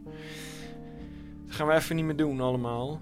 En toen heb ik gewoon gezegd, ik ga wat rustiger aan doen. Maar ja, goed, toen kwam dat, dat EU-verhaal. Nou, tegen de tijd dat ik daar goed en wel was ingewerkt, kwam al het corona-verhaal. En toen was het ja, een hele hoop drama en zo. Met mijn relatie die uit elkaar viel. En mijn oma die op sterven lag. En alle druk die dat weer op mijn moeder zette. En ga zo maar door. Plus de algehele lockdowns. Ook weer een. Toen dacht ik, fuck dit allemaal. Fuck dit echt. En toen ben ik naar Slovenië gegaan. En toen heb ik een, eh, een reis gemaakt. En dan ben ik ongeveer een half jaar in Slovenië geweest. Toen dacht ik, nou, oké. weet je, ik was zo opeten. Ik was zo kapot. Het is echt van... Ik maakte elke dag voor mezelf een quest, weet je. En een quest kan ook zijn melk halen bij de supermarkt en eh, de tafel afvegen. ja, ja. Ik ken dat soort En dagen. als ik dat had gedaan, dan dacht ik, wow, ik heb mijn quest bereikt, weet je wel. En ik dacht, waar de fuck gaat dit over? Ik ben iemand die in, in een paar weken een boek kan schrijven. Weet je, waar de fuck, wat doe ik nou dan? Ik denk, ja, ik moet toch meer tijd nemen om even weer tot rust te komen. En even weer mezelf, tot mezelf te komen. Eh, maar ja, nu zijn we weer eh, drie jaar verder. Of nou, dus, oké, flauwkul, anderhalf jaar verder. En wat hebben we in die anderhalf jaar allemaal voorbij zien komen? Gemeenteraadsverkiezing, provinciale statenverkiezing, senaatsverkiezingen. Nou, toch allemaal min of meer, toch, toch allemaal eh, niet zo eh, happy de peppy eh, resultaten als ik gehoopt had. Terwijl ik, ik het goed had gedaan, al die verkiezingen. Dan denk je, ja. Dus ik had mezelf echt tijd gegund om, om te herstellen van alles en echt goed uit te rusten en bij te komen en weer voet op aarde te stellen. En ehm, kennelijk nog steeds niet of zo. Want ik, eh, ja, ik heb nog steeds eh, toch het punt van waar de fuck doen we het eigenlijk allemaal voor, jongens? Het is alsof je met je, ja, dus, ja, ik kan het niet goed onder woorden brengen. Ik ben normaal heel goed in dingen onder woorden brengen, Peter, maar nu schiet het me even, even helemaal tekort. Had je gehoopt eh, de dag te kunnen gered hebben en zo? Dat het zeg Nee. maar anders was gegaan? Nee, maar niet meer al het gezeik te hebben wat ik al mijn hele leven gehad heb. Dus ik heb mijn hele leven eigenlijk het gezeik gehad dat ik eigenlijk verder had, verder nadacht dan de mensen waar ik voor werkte. Dat was al bij de VVD zo, dat was in de gemeente Duiven, dat was het Europarlement zo. En daar kan ik allemaal verhalen, allemaal voorbeelden van verzinnen. Maar het kwam er eigenlijk altijd op neer dat ik eigenlijk veel verder vooruit keek en vooruit dacht. En veel meer strategisch bezig was dan de mensen waar ik voor werkte. En dat is net als een strategy game. Zeg maar, weet je, andere mensen die zitten te denken, oh wat ga ik eens doen? Oké, ik ga een paar, ik ga een paar hertjes jagen en een paar huisjes bouwen. Terwijl ik al zeg, oké, ik moet dan en dan Imperial zijn, ik moet dan en dan eh, die upgrade hebben en eh, dan en dan moet ik zoveel units hebben en zoveel population, zoveel inkomen. Terwijl ik helemaal op voorgedacht hoe, hoe ik een endgame ga spelen, zeg maar. Werkt gewoon niet. Werkt gewoon niet op die manier. Het werkt gewoon niet. Dus dan zit je eigenlijk een baan in een baan te doen, zeg maar. Dus op dat moment had ik heel veel invloed. Want eh, ook, er werden nieuwe omroepen opgericht, er werden nieuwe politieke partijen uitgebouwd. Eh, er, er werd ook internationaal nagedacht binnen de EU over nieuwe constellaties van, van samenwerkende krachten en zo. En ik zat er allemaal in. Ik was met al die dingen was ik, was ik indirect heel, heel erg mee bezig. En ik merkte dat ik echt veel invloed had op het discours. Ook in België, in Vlaanderen. En, en allemaal ideeën, terminologieën die vandaag de dag in het, in het discours zitten, die ik allemaal heb uitgedacht. Dus ik merkte, ja, ik heb echt veel, veel invloed. Cultuurmarxisme? Ja, en luidcultuur en demografie en allemaal echt heel veel dingen waar nu over nagedacht wordt. Ook over big tech censuur en, en, en een heleboel dingen die we nu overal zien terugkomen. Waar ik heel veel over na heb zitten denken. Ook, ook, ook het privilege van de authenticiteit en dergelijke. Kijk, iemand zei tegen mij, zitten, eh, zo, als jij in de politiek gaat, dan ga je een gigantische pak slaag krijgen. Want dan gaat de elite het allemaal weer, al je oude dingetjes recyclen. Dan gaan je appjes naar boven worden gehaald. Dan gaan je Kirak filmpjes naar boven worden gehaald. En ik zeg, jongens, you got it all wrong. Het is net als een real-time strategy game. Het gaat om de basis die je bouwt. Kijk, je kan rushen. Als je gaat rushen in een strategy game, dan bouw je eigenlijk geen stabiele economie op. Maar je onttrekt een heleboel grondstoffen aan je startkapitaal. Dat steek je allemaal in een, in een leger wat heel snel uit de grond gestampt wordt. Waarmee je gaat aanvallen. En je hebt je één of twee golven. En daarna is het op. En dan is je leger dood. En is je economie uitgeput. En dan moet je eigenlijk opgeven. Dat is een rush. Je kan een rush winnen. Een hele effectieve strategie. Moet het goed gaan? zeg Moet het goed gaan. Maar je kan ook denken, ja, ik ga alle grondstoffen gebruiken om nog meer grondstof en nog meer economie. En ik ga een imperium, ik ga echt een empire bouwen. En dan, heb ik, en dan kan ik elke, elke 10 seconden kan ik 15 ton ignitejes uitpoepen, zeg maar. Weet je? En dan heb ik echt een, een rollende stoomwals. En dan ben ik niet meer te stoppen, zeg maar. Dus zo kun je ook een game spelen. Ja, maar het leven is natuurlijk niet uitgespeeld op een gegeven moment. Hè? Het leven speelt Mm, Dat gevoel heb ik steeds meer, dat het leven uitgespeeld is. Maar dan ga ik even verder. Ja, maar- Dan ga ik even verder op dat punt, hè? Dat is de bedoeling niet. Ja, maar weet je wacht wel. even. Dan zit je daar te Maar koekeloeren. Ik ben een punt aan het maken. Dus als mensen tegen mij zeggen, ja, maar dat, dat Kirak-film... Ik zeg, ja, maar wacht even. Dat Kirak-film is eigenlijk helemaal niet zo erg geweest. Want al mijn haters zeggen, ja, dit is de definitieve ondergang van Sid. Maar al die gasten stonden met hun bek vol tanden toen die film uitkwam. En het bleek allemaal een storm met een glas water te zijn. Want ik had eigenlijk helemaal niet zoveel geks gedaan. En dat kwam gewoon uit. Dus al die haters stonden met hun bek vol tanden. Ondertussen waren een heleboel links en neutrale mensen... waren toch geïnteresseerd geraakt in mij als persoon. Die het op een andere manier hebben moeten bekijken. En zo ook een kans van mij te zien krijgen. Nou, en dus ook geïnteresseerd raakt in wie ik ben en wat ik zo vind van de wereld. En in één keer werden er weer nieuwe mensen door bereikt. En ik weet nu precies wie mijn vrienden zijn. En die mij steunen, eh, los van wat er in de media over mij gezegd wordt. En wie de parasieten zijn. Wie mij alleen maar willen steunen als het goed met me gaat. En wie mij als eerste van de klif afduwen als het slecht met me staat. Dus het heeft mij gezuiverd van onproductieve en onbetrouwbare elementen in mijn leven. En dat is een hele... Geluk bij een ongeluk. Dat is een hele grote winst voor mij. En daar komt ook nog eens een keer bij. Kunnen ze, ja, maar je appjes, bla bla bla, gaan ze daar weer over beginnen. En zeg ik, ja, luister eens jongens. Hè, dus elke politicus die nu nog zegt, jongens, kleur gewoon een bolletje rood, dan komt het helemaal goed met dit land, dan ga ik al mijn beloftes voor je waarmaken. Ja, die mensen liegen. Hè? Dus als je gaat zeggen, eh, stem gewoon op een partij, dan komt er een nieuwe coalitie aan de macht en dan kunnen we de dingen fundamenteel anders gaan doen. Dan zouden al die lange mars door de instituties, al die transnationale verdragen, al die Sustainable Development Goal, al die stikstofwetjes, al die hele dicastocratie, regeren via verdragen die door rechters worden geïnterpreteerd, die direct doorgaan naar de uitvoering en niet meer met een democratische volksraadpleging worden gecheckt. Iedereen weet dat die mensen liegen, toch, Peter? Iedereen weet toch dat ze dan liegen? Ja, dus in, in vergelijking daarmee zijn die appjes juist heel erg verfrissend. Eigenlijk is iemand die niet tegen ze liegt. Ja, dus op lange termijn werkt dat allemaal helemaal niet tegen mij. Helemaal niet. Het werkt alleen maar voor mij. Het is allemaal lange termijnvisie. Op een gegeven moment het is komt real-time het- strategy game. Op een gegeven moment komt het ware karakter naar buiten, zou je zeggen. Ja, dat. Nou, precies. Dus al die politici die nog zeggen: jongens, maak je geen zorgen. Het komt allemaal goed. Ja, ze weten dat ze tegen ze liegen, toch? Dus als je de systeemfouten gaat aankaarten, ja, dan spreek je de waarheid. Dan, dan verkondig je in ieder geval iets authentieks.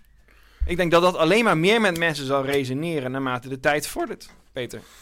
Dus in die zin heb ik er gewoon een hele goede fundering gelegd. Want ik heb in mijn leven niemand toegelaten die deugt. En ik heb in mijn leven niemand toegelaten die ooit zou zeggen: Zit, je hebt nu al zoiets gezegd, nu ga ik je laten vallen. Ah, in mijn leven bestaan dat soort mensen niet. Dat is het mooie. Dus ik heb gewoon een hele goede, solide fundering voor alles. Dat laat achterover dat ik wel zit van: ja, weet je, waar gaat het allemaal naartoe? Heeft het nog zin? Eh, is het niet gewoon. Wanneer gaat dat lift-off moment nou eens komen? Met die, die Schwarzenegger die wist gewoon, ik ga heel hard mijn spieren oppompen... en dan kan ik met mijn twintigste eh, een bekende bodybuilder zijn... en dan kan ik met mijn vijfentwintigste wereldkampioen bodybuilder zijn... en dan kan ik met mijn dertigste een wereldberoemde filmster zijn. Nou, zo had hij dat helemaal uitbedacht... en uiteindelijk gouverneur geworden en zo, heel heel indrukwekkend. Maar ja, ik denk, ja, ik heb gewoon een paar goede boeken neergezet... die de tand destijds zullen eh, weerstaan... en die over 40, 50, 60, 70 jaar nog steeds relevant zullen zijn. Zij het hier, zij het dat ze in... eh, in China nog eens een keer terug willen lezen van binnenuit. Hoe dat nou zo snel in elkaar kon donderen, dat Europese imperium. En die westerse cultuur. Hoe dat nou van het Wirtschaftswunder in de jaren 70 in elkaar kon donderen. eh, tot, tot, deze woke-idiocratie die we vandaag hebben. Ja, dan zullen ze de boeken van Dr. Sid moeten lezen. Over woke gesproken. Wat eh, denk je dat, eh, dat Arnold Schwarzenegger had gevonden van, van deze... Ja. Van, de, van, de, van de FVD. En, eh, Ja, alles Arnold wat, Schwarzenegger eh, is natuurlijk niet een groot visionair of zo. Hij, hij gaat ook gewoon mee. Hij is eigenlijk republikein, maar dan toch weer voor, voor, voor climate change. En dan, en dan, ja, weet je wel. Het is, maar goed, wat we wel kunnen zeggen over Arnold Schwarzenegger... is hij heeft toen een keer een film gespeeld waar hij een zwangere man speelde. Ja, het past helemaal niet bij hem, zou je zeggen. Maar dat was nog in de tijd voor, voordat woke echt zo'n ding was vandaag de dag. Dus hij is wel... Als iemand het nu zou maken, zo'n film... Kijk, toen dacht ik al een beetje... Denk, denk, denk je Toen dat- dacht ik, hij, Arnold Schwarzenegger heeft dus een film gemaakt waarin hij een zwangere man speelt. En toen dacht ik al, eh, wat een gekke film. Wel interessant om te kijken natuurlijk, maar wel een beetje gek. Maar nu heb ik eigenlijk meer respect voor, omdat hij dat gemaakt heeft. En als iemand, als iemand vandaag die film zou maken, zou het gewoon puur zijn om ja, iets los te maken over woke. En dan met die wind mee te zeilen. En dan te weten dat rechts het gaat bekritiseren. Waardoor het establishment het weer moet gaan verdedigen. En dan weet je eigenlijk al gewoon, je gaat gewoon mee op een hype. En dat je het in die tijd hebt gemaakt, ja, spreekt toch wel iets meer voor je, zeg maar. Nog steeds niet een geweldig idee. Maar het spreekt wel iets meer voor je artistieke visie dat je dat toen hebt gemaakt en niet dat je er vandaag eens een keer mee komt. Denk je dat uh, hij op uh, Jeffrey Epstein's eiland is geweest? Staat hij in de Panama Papers? Ook een mooie. Ja, nee, dat is ja, ook, dat ja, want hij niet. zit natuurlijk wel midden in de saspit hè, van politiek, politiek ja, en tuurlijk, Hollywood. En uh, ik bedoel, veel erger als dat gaat het hem niet worden. Ja, ik weet het niet. Het zal ooit, maar dat is weer, dat is, ja... Dat, Komt hij punt, ook nog uit Oostenrijk? Ja, ik ben meer agnost in dat punt van, ja, dat is niet meer wat het verschil gaat maken, zeg maar. Weet je, je kan Uh, ik ben complotagnost in dat opzicht. Yeah. Doet er eigenlijk niet meer toe. Of het waar of onwaar is, toch? Kijk, ook met die hele AIVD van... oh, jullie verspreiden complottheorieën over een kwaadaardige elite. Of het nou de incompetentie is van de elite... of dat het gewoon een soort zelfversterkende ideologische bubbel is... Uh, of dat het nou inderdaad gepland is van stap tot, tas, tot stap... of het is gewoon de natuurlijke dynamiek van baantjesmolens en subsidiesmachines... om ideologische monoculturen te scheppen. Ja, ja weet je... Uh, als je gewoon uh, dat gaat uitleggen aan die gasten. Ze, ze, ze, gaan, ze snappen wat je zegt, maar ze laten het bewust niet binnenkomen, want ze hebben andere belangen. Dus dan denk ik al van, ja, who gives a fuck, weet je. Ga gewoon met z'n allen tegelijk, van Extinction Rebellion tot de Turken, tot de Pegida, tot de gele hesjes, tot de boeren, tot de bouwers. Ga gewoon met z'n allemaal naar Den Haag, jongen. Ga er gewoon heen. Pro-Palestina. Ja, ook allemaal gaan. Let's go! Want we weten al, kijk, wij kunnen natuurlijk wel een genuanceerd verhaal vertellen. Hè? Net als omvolkingstheorie, waar de ombudsman Ongehoord Nederland voor berispt heeft. Ja.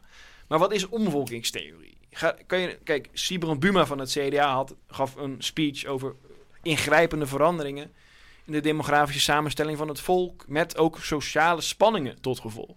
Is dat dan ook een, een, een, omvolkingstheorie? Of moet je letterlijk zeggen dat er mensen uit Afrika hier worden neergeplant met een raciale bijbedoeling? Ja, dan kom je op die minister Schäuble, die in een interview met die site letterlijk zei dat er een, nieuwe revolutie bewerkstelligd moest worden. Door een immigratie te faciliteren, wat er anders inteelt en incest zou ontstaan in Duitsland. Dat, zelfs dat is gezegd. Nou, oké, weet je. Of wat is nou die omvolkingstheorie, zeg maar? Dus kun je op een, op een empirisch, epistemologisch, ontologisch niveau kan je die discussies voeren. Hè? Ga je het over demografie hebben of, of... Ja, eigenlijk doet het helemaal niet meer toe. Net als met een kwaadaardig elite. Ja, jij hebt een podcast waarin het gaat over aliens, Illuminati en vrijmetselarij... En dus ben jij iemand die... Jezuïeten. Ja, Jezuïeten en bloeddrinkende pedofielen en Bill Gates. hè? De, en, Satanisten. En 5G en zo. dus dan ben jij iemand die evil is, omdat jij kwaadaardige theorie over elite... Ja, oké, of je zegt gewoon, jongens... Ik predik wel vrede, kom zeg. Of Zelfs vrede met aliens. Of je zegt gewoon, uh, jongens, het is een natuurlijk bijgevolg van baantjesmachines en subsidiemolens... om een ideologische monocultuur te creëren los van wat de intentie daarachter is, is het gewoon zo dat mensen met een beetje hetzelfde wereldbeeld, een beetje hetzelfde sociale milieu, dat die naar elkaar toe klitten en dat die onderling de baantjes gaan verdelen. En dat het dan niet de bedoeling is dat je te ver uit de toon valt met al te vrije gedachten. Ja? nou, met die theorie kan je al heel ver komen om alle van, alles wat er vandaag misgaat en de blinde vlekken en het moedwillig in stand laten van die blinde vlek, om dat allemaal te voorkomen. Maar als jij naar zo'n Tweede Kamercommissie gaat, die gaat het allemaal vertellen en dan krijg je gewoon zo'n AIVD'er tegenover je op de loonlijst, die ja, hij heeft gewoon een instructie gekregen. Maak de oppositie kapot. Maak FVD kapot. Maak, we, maak rechts kapot. Zorg ervoor dat het niet meer gaat over de toeslagenaffaire. Zorg ervoor dat het niet meer gaat over dat we duizenden boeren vernietigen. En dat we eigenlijk ons eigen volk straks niet meer tevreden kunnen geven. zonder interventie van het buitenland. Zorg dat het daar in godsnaam niet over gaat. Maak FVD kapot. En dan maakt het eigenlijk niet meer uit op welk niveau je dat, dat gaat ontleden. Wat bedoel je met elite? Wat bedoel je met complot? Uh, wat bedoel je met kwaadaardig? Wat bedoel je met omvolking? Ja, dat kan je allemaal epistemologisch, academisch hele interessante discussies over voeren. Maar daar gaat het al lang niet meer om. We zijn al lang voorbij het empirische. dat is ook wat ik in wezen afgrondelijk al, al voorzag. Het gaat, het gaat helemaal niet meer om, om het discours. Het gaat om dat wat voorbij het discours ligt. Namelijk de waarde waar mensen om te beginnen voor op de bres komen. Ja, en dan is het gewoon, één iemand trekt aan het langste eind, één iemand trekt aan het kortste eind. En dan komt de vraag, wat kun je nog doen? Dan zeg ik, ja, maar dan kom ik toch wel op de grenzen van wat ik in een, in een, in een podcast als dit nog onder woorden kan brengen. Maar dan, dan, dan, dan, dan moet je het over alles hebben behalve datgene wat je wil doen gewoon. ja, dat is negatieve theologie. Ja, nou, dat is wel prachtig hoe je dat zegt, hè. Dus je mag... Eigenlijk, eh, God is zo groot, zo onmetelijk. Dat is in, dat is, kom je op het, eh, het, het, het concilie van... Of nee, niet het concilie, maar Tempier. Die heeft op een gegeven moment een aantal stellingen verboden. Hè, want de, de theologen die werden te filosofisch en zo. En de, de filosofie die werd een beetje, bijna een beetje ketters. Hè. Die, die, eh, die denkers die over de godsdienst nadachten, die, die rekten hun gedachtenvrijheid wel heel ver op. Dus op een gegeven moment hebben ze een aantal stellingen bedacht. Zoals eh, eh, God kan geen vacuüm scheppen en dat door de tijd voortduwen of zo. Maar dat soort stellingen mochten allemaal niet meer gezegd worden. Dus moesten ze daar weer stellingen omheen gaan bedenken. En toen kwamen ze met mogelijke wereldentheorieën en zo. Dat is super. Dat, dat, dat concordaat van Tempier is wel echt... Of dat is geen concordaat, maar Tempier is wel interessant. Maar dat komen we hier nu dus ook op. Ja, dus op een gegeven moment, je mag op een gegeven moment niet meer zeggen: uh, God uh, heeft uh, bruin haar of zo. Nou, dat, dat, dat, kan niet. En ik kan alleen maar zeggen: God is zo groot dat hij zich fundamenteel buiten ons kenvermogen stelt. En dat we alleen nog maar kunnen spreken in termen van dat wat God niet is. En dat is de negatieve theologie. En dat is, dat is precies wat we hier dus ook gaan krijgen. Ja, precies dat. Van iedereen weet wat er te doen staat, maar niemand kan het zeggen, mag het zeggen, durft het te zeggen. Dus praten we maar in alle termen, behalve in die termen waar het echt over gaat. Ja. ja. Ja, ik, ik, ik, ik, praat, uh, ik praat altijd over van alles en nog wat hier. Maar ja, je, doen, je, gewoon blijven doen. Maar, weet je, en ik zeg ook tegen mensen blijven gewoon doen, altijd Peter. blijven. blijven ik zeg ook altijd tegen mensen altijd doen, minder nadenken, meer doen. Ja. Maar ja, ik ga niemand aanzetten tot niks niet, weet je wel. In ieder geval niet Juist, actief. Inderdaad. Iedereen moet, het zelf, iedereen moet zelf maar uitzoeken. Ik kan bijvoorbeeld, ik kan bijvoorbeeld zeggen wat ik ga doen. Ik Ja. kan zeggen wat ik ga doen. Precies, ja, ben ik helemaal mee eens. Als het niet Ja. incriminating, als het niet... Ja, maar eh, wie ben ik om, om... Kijk, die Huug Plug bijvoorbeeld, hè? Huug. Ja, die Huug Plug. Huig. Ik ken zijn hele verhaal niet. Huigpluig. Maar ik weet dat hij een- iets met gevangenen gedaan heeft. Dat hij een beetje te dicht bij Rutte gekomen is. En dat die man op een gegeven moment opgepakt is. Maar hij had ook dikke schulden. Werd uit zijn huis gezet. En dan heeft hij nog iets met rechts en pedofilie gedaan. Maar ja, zo iemand is kennelijk bereid om zijn hele leven op te offeren. Om, om, om, om een kiezelsteentje in, in de vijver van de macht van Den Haag te werpen. Zeg maar. Ja. Kijk, ik kan niet van jou vragen, Peter. Werp, gooi je laatste restant vrijheid weg om zo'n offer te maken. Weet je, ik weet niet eens of ik het persoonlijk... Oké, ik heb natuurlijk een heleboel gedaan, een heleboel boeken geschreven. En ik wil ook dat jullie mij steunen via Backme om dit te kunnen blijven doen. maar ik weet niet via Backme. of ik zo ver zou gaan, zeg maar. Dus ik vind ook niet dat ik een ander moet gaan oproepen om iets te doen of zo, weet je. Net als met dat hele Jury en Maas. Oh, zit in een, zit heeft opgeroepen. Eh, nee, het is gewoon een één op één gesprek over mogelijke situaties. Mogelijke werelden, wat er mogelijk zou kunnen gebeuren. Het is helemaal niet aan mij om aan jou te zeggen... jij moet nu alles opofferen om dit of dat te doen. Tuurlijk niet. Kijk, dan, daarom gaat het ook nergens over. Eh, er is geen concrete oproep om nu wat eh, te gaan doen of zo. Het gaat allemaal over wat zou hypothetisch allemaal kunnen gebeuren. Ja. Hey, maar die hele Kirak-shit, eh, zit dat, Ja. word je daar nog veel meer geconfronteerd? Ja, want nu gaat het er weer over. Hè? Michel Wellebeck is er nou ook weer heel veel mee bezig. Dus er wordt ook weer voortdurend... Maar ik denk, ja jongens, ik heb in mijn boek Wezen Maar, maar, afgrondelijk... maar, heb maar, ik- maar niet gewoon in de ophef meeleunen dan? Ja, waarom? In welke ophef? Er is overal ophef. Weet ik veel. Gewoon, ja, eh, en wat levert dat dan weer op? Nou, weet ik niet. Kijk, misschien wat Backme-volgers en zo. Nou ja, ik, kijk, mensen die mij volgen via Backme, die volgen mij vanwege het scheppende wat ik zelf doe. En om dan een weer- beetje chaos scheppen. Ja, chaos scheppen. Ja, ja maar dat... Dat is mijn favoriete maar- vorm van schepping. Maar ik had het, ja, dat is ook heel goed. Maar ik had het er dus net over dat ik me een beetje, een beetje murgeslagen voel en een beetje uitgeput. En als ik me dan weer aan meer chaos ga blootstellen, dan, dan zal dat uitgeputte gevoel denk ik niet beter worden. Maar stel je doet een podcast met, eh wat dingetje nou ook alweer? Die, eh, die ene, die, die ene chick die niet links of niet rechts was. Niet links, maar eigenlijk rechts was.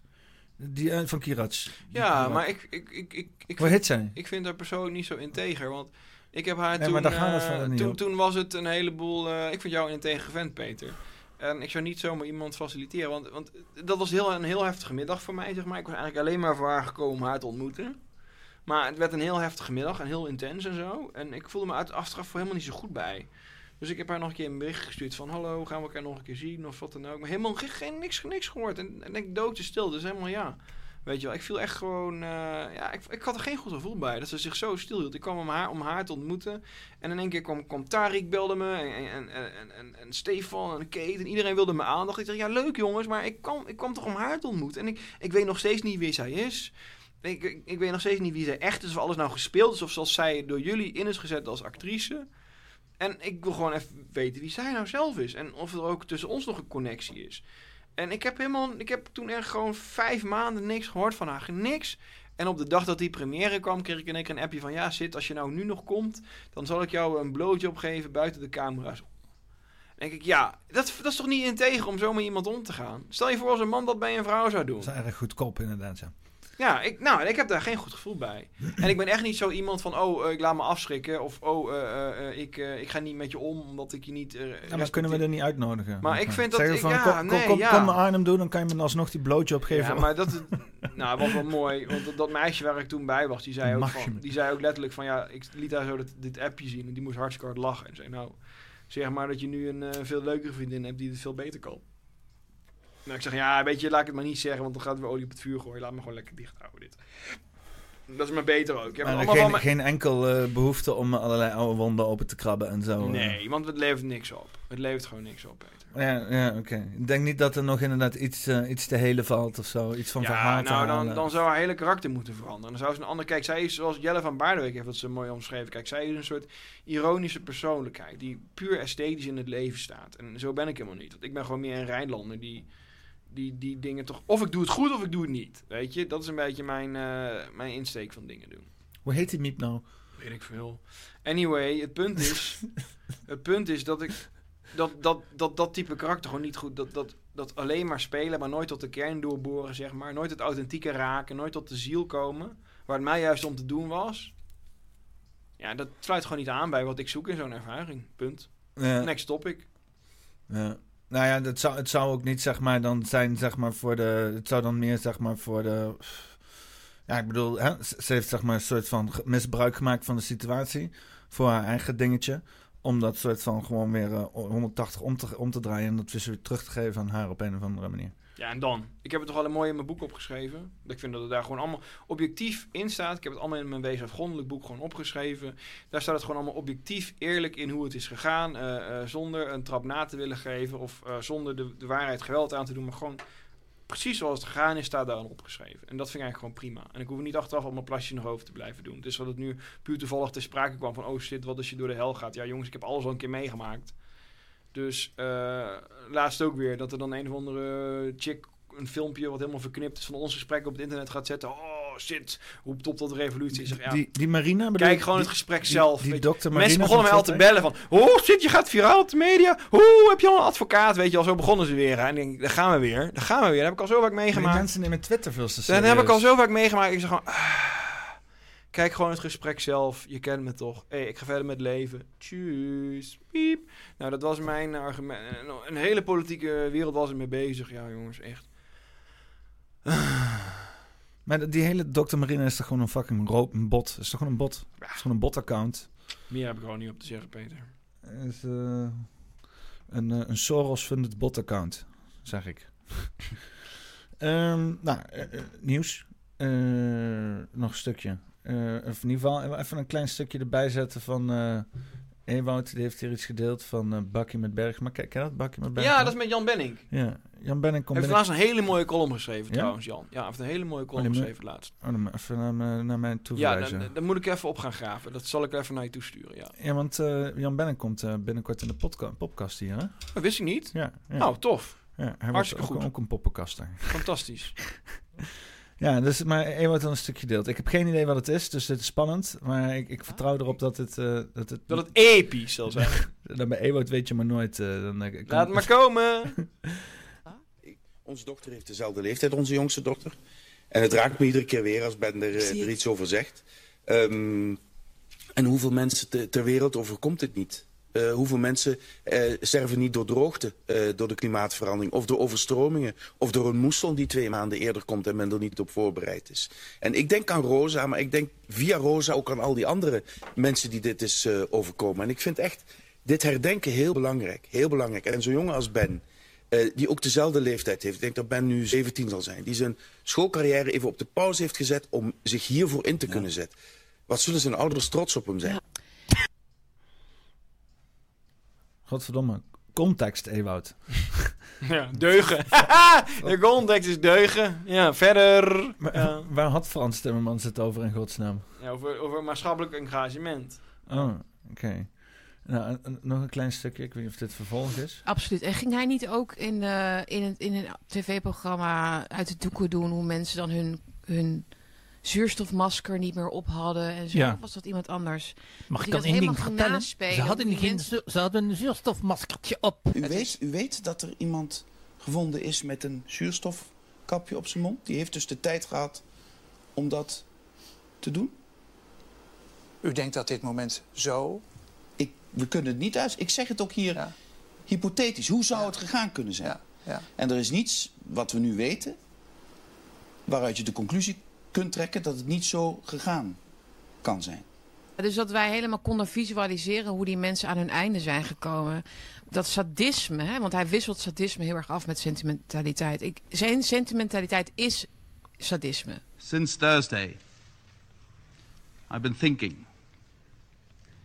how horrible must have been the final moments of their lives when they knew the plane was going down. Did they lock hands with their loved ones? Did they hold their children close to their hearts?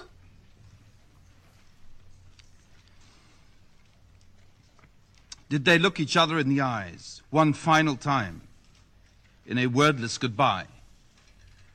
We will never know. Dat zei, eh, Absoluut. oh, eh, eh, Sven Hulleman die zei dat bij, eh, bij Forum Insight de afgelopen keer.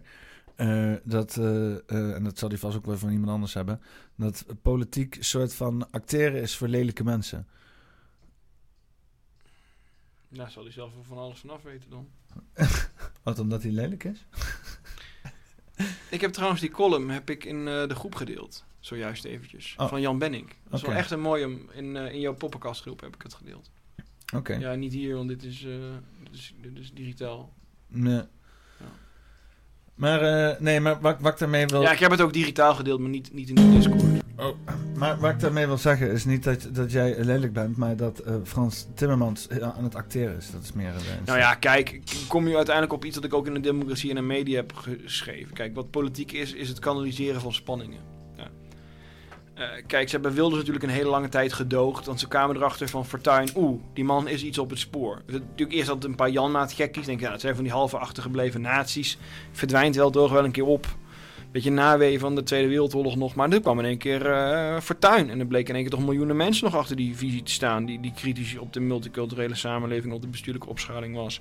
Oh, dat moet gekanaliseerd worden. Nou, dat zie je nog Wilders. Nou, Wilders die zegt iets heel boos over Rutte. Dan denken mensen, yes, het is weer gezegd. Het is benoemd. En in die zin kanaliseert de politiek de woede in de samenleving. Krijgt Thierry Baudet zegt, ja leuk dat je altijd allemaal aankaart. Er gebeurt gewoon niks. Dus ik ga een massabeweging opstarten. Ik ga een eigen zuil werken. Ik ga mensen mobiliseren. Ik ga zorgen dat er iets gaat bruisen. Dat mensen elkaar gaan zien. Dat er een soort eigen netwerk ontstaat. Een, een ecosysteem, een zuil. Ja, dat vindt de elite twintig keer enger dan Wilders. Dus daarom willen ze dat dus zo graag verbieden. Eh, en eigenlijk kan je ook zeggen... Kijk, politiek is natuurlijk ook deels een masker. Deels een spel. Eh, je, je kiest op mensen die vervolgens die het kanaliseren van die maatschappelijke frictie, die maatschappelijke frustraties, in dat debat kanaliseren. Ja, maar tegelijkertijd, je hebt die protestantse cultuur. En die wil altijd terug naar de kern. Die wil de ware ziel zien. Die wil de opsmuk en de tierenlantijntjes slopen om weer terug te komen naar de zuivere geloofsbeleving. Dus die wil alle façades, alle maskers, alle, alle rites eigenlijk slopen om weer tot die zuivere essentie terug te keren. En dan krijg je dus het punt dat je die, dat je die politieke maskers op een gegeven moment moet gaan slopen. Terwijl die maskers juist zijn wat die spanning van die kanalisering, kanaliseren van de spanning überhaupt mogelijk maakt als politiek proces. Moet iedereen gewoon niet zijn eigen spanningen lekker, lekker kanaliseren? ik weet waar je nou op bedoelt, Peter. ik weet waar je nou op bedoelt, ja. Dat gaat over het gebruik van bepaalde substanties. Nee, nee, nee. Ik bedoel, iedereen doet het op zijn eigen manier. Maar, Ja, eh, speel eh, vooral games. Ja. Nee, maar, maar, eh, nee, maar ik bedoel, het gaat ook om een stukje schaduwwerk en al dat soort dingen, weet je wel. Wat versta je onder schaduwwerk? De slechte aspecten aan jezelf accepteren en die ruimte geven om te Oh, dat bestaan. is heel mooi. Ik heb daar laatst een hele mooie film over, video, documentaire over gezien, over Jung. En dat, ik heb dat niet helemaal onthouden, want was heel laat op de avond dat ik het keek. Maar het ging inderdaad een beetje om van, el- elk mens heeft slechte kanten. Maar het komt eigenlijk een beetje op neer om met die slechte kanten te, te leren leven. En, en dat, dat de mensen de- eigenlijk een mindere kanten ontkennen. En daardoor in een soort schaduwweb verstrikt raken van leugens en zelfbedrog of zo.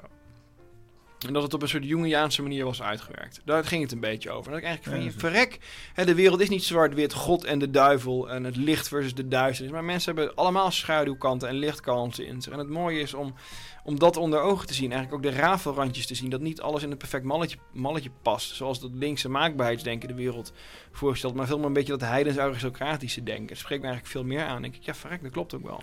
Ja, ik denk ook als Nederland dat als land collectief doet, hè, dan wel niet iedereen persoonlijk, in ieder geval een groot deel daarvan, dat we ook een beetje loskomen van dat, oh, wij zijn hier zo perfect en daarom kunnen we maar overal met ons vingertje naar wijzen en wij Mm. moeten deugen en al dat soort... eh, Dan kom je over op de koopman en de dominee. Heb ik ook een mooi hoofdstuk over geschreven in eh Wees afgrondelijk. Ja, maar dat houdt een keer op. Onder, dat zie je wel onder de geopolitiek, toch? We willen al met ons vingertje wijzen. Maar op een gegeven moment is ons gewoon, onze relevantie gewoon klaar.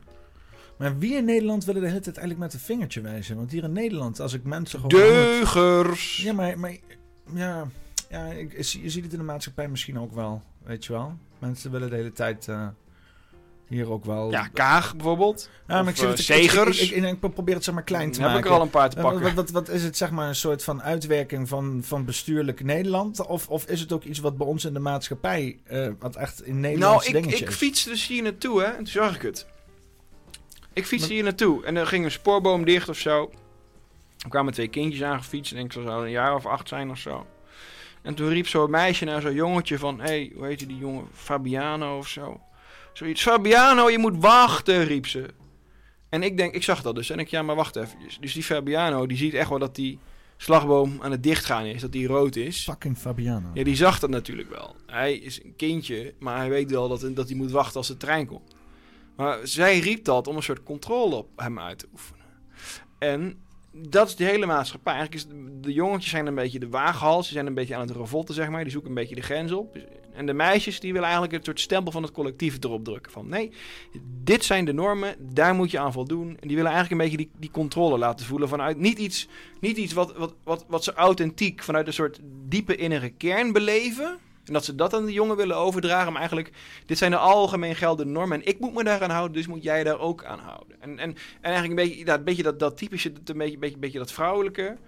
Dat dat alles nu in zijn macht heeft. Elke, elke afdeling heeft tig compliance, control, eh, protocollen om met dingen om te gaan. En, en een officier die dat er weer moeten, moeten managen. En surveillance en zo. Dat, van, van er is een moraal en jij zult je daaraan houden. Op elk niveau elk niveau moet jij je aan die moraal houden. En dan gaan we controleren. En dan gaan we een protocol over opstellen. En dan gaan we helemaal kwantificeren. Dat we ook precies alle metertjes precies kunnen aantikken. In hoeverre jij je daaraan voldoet.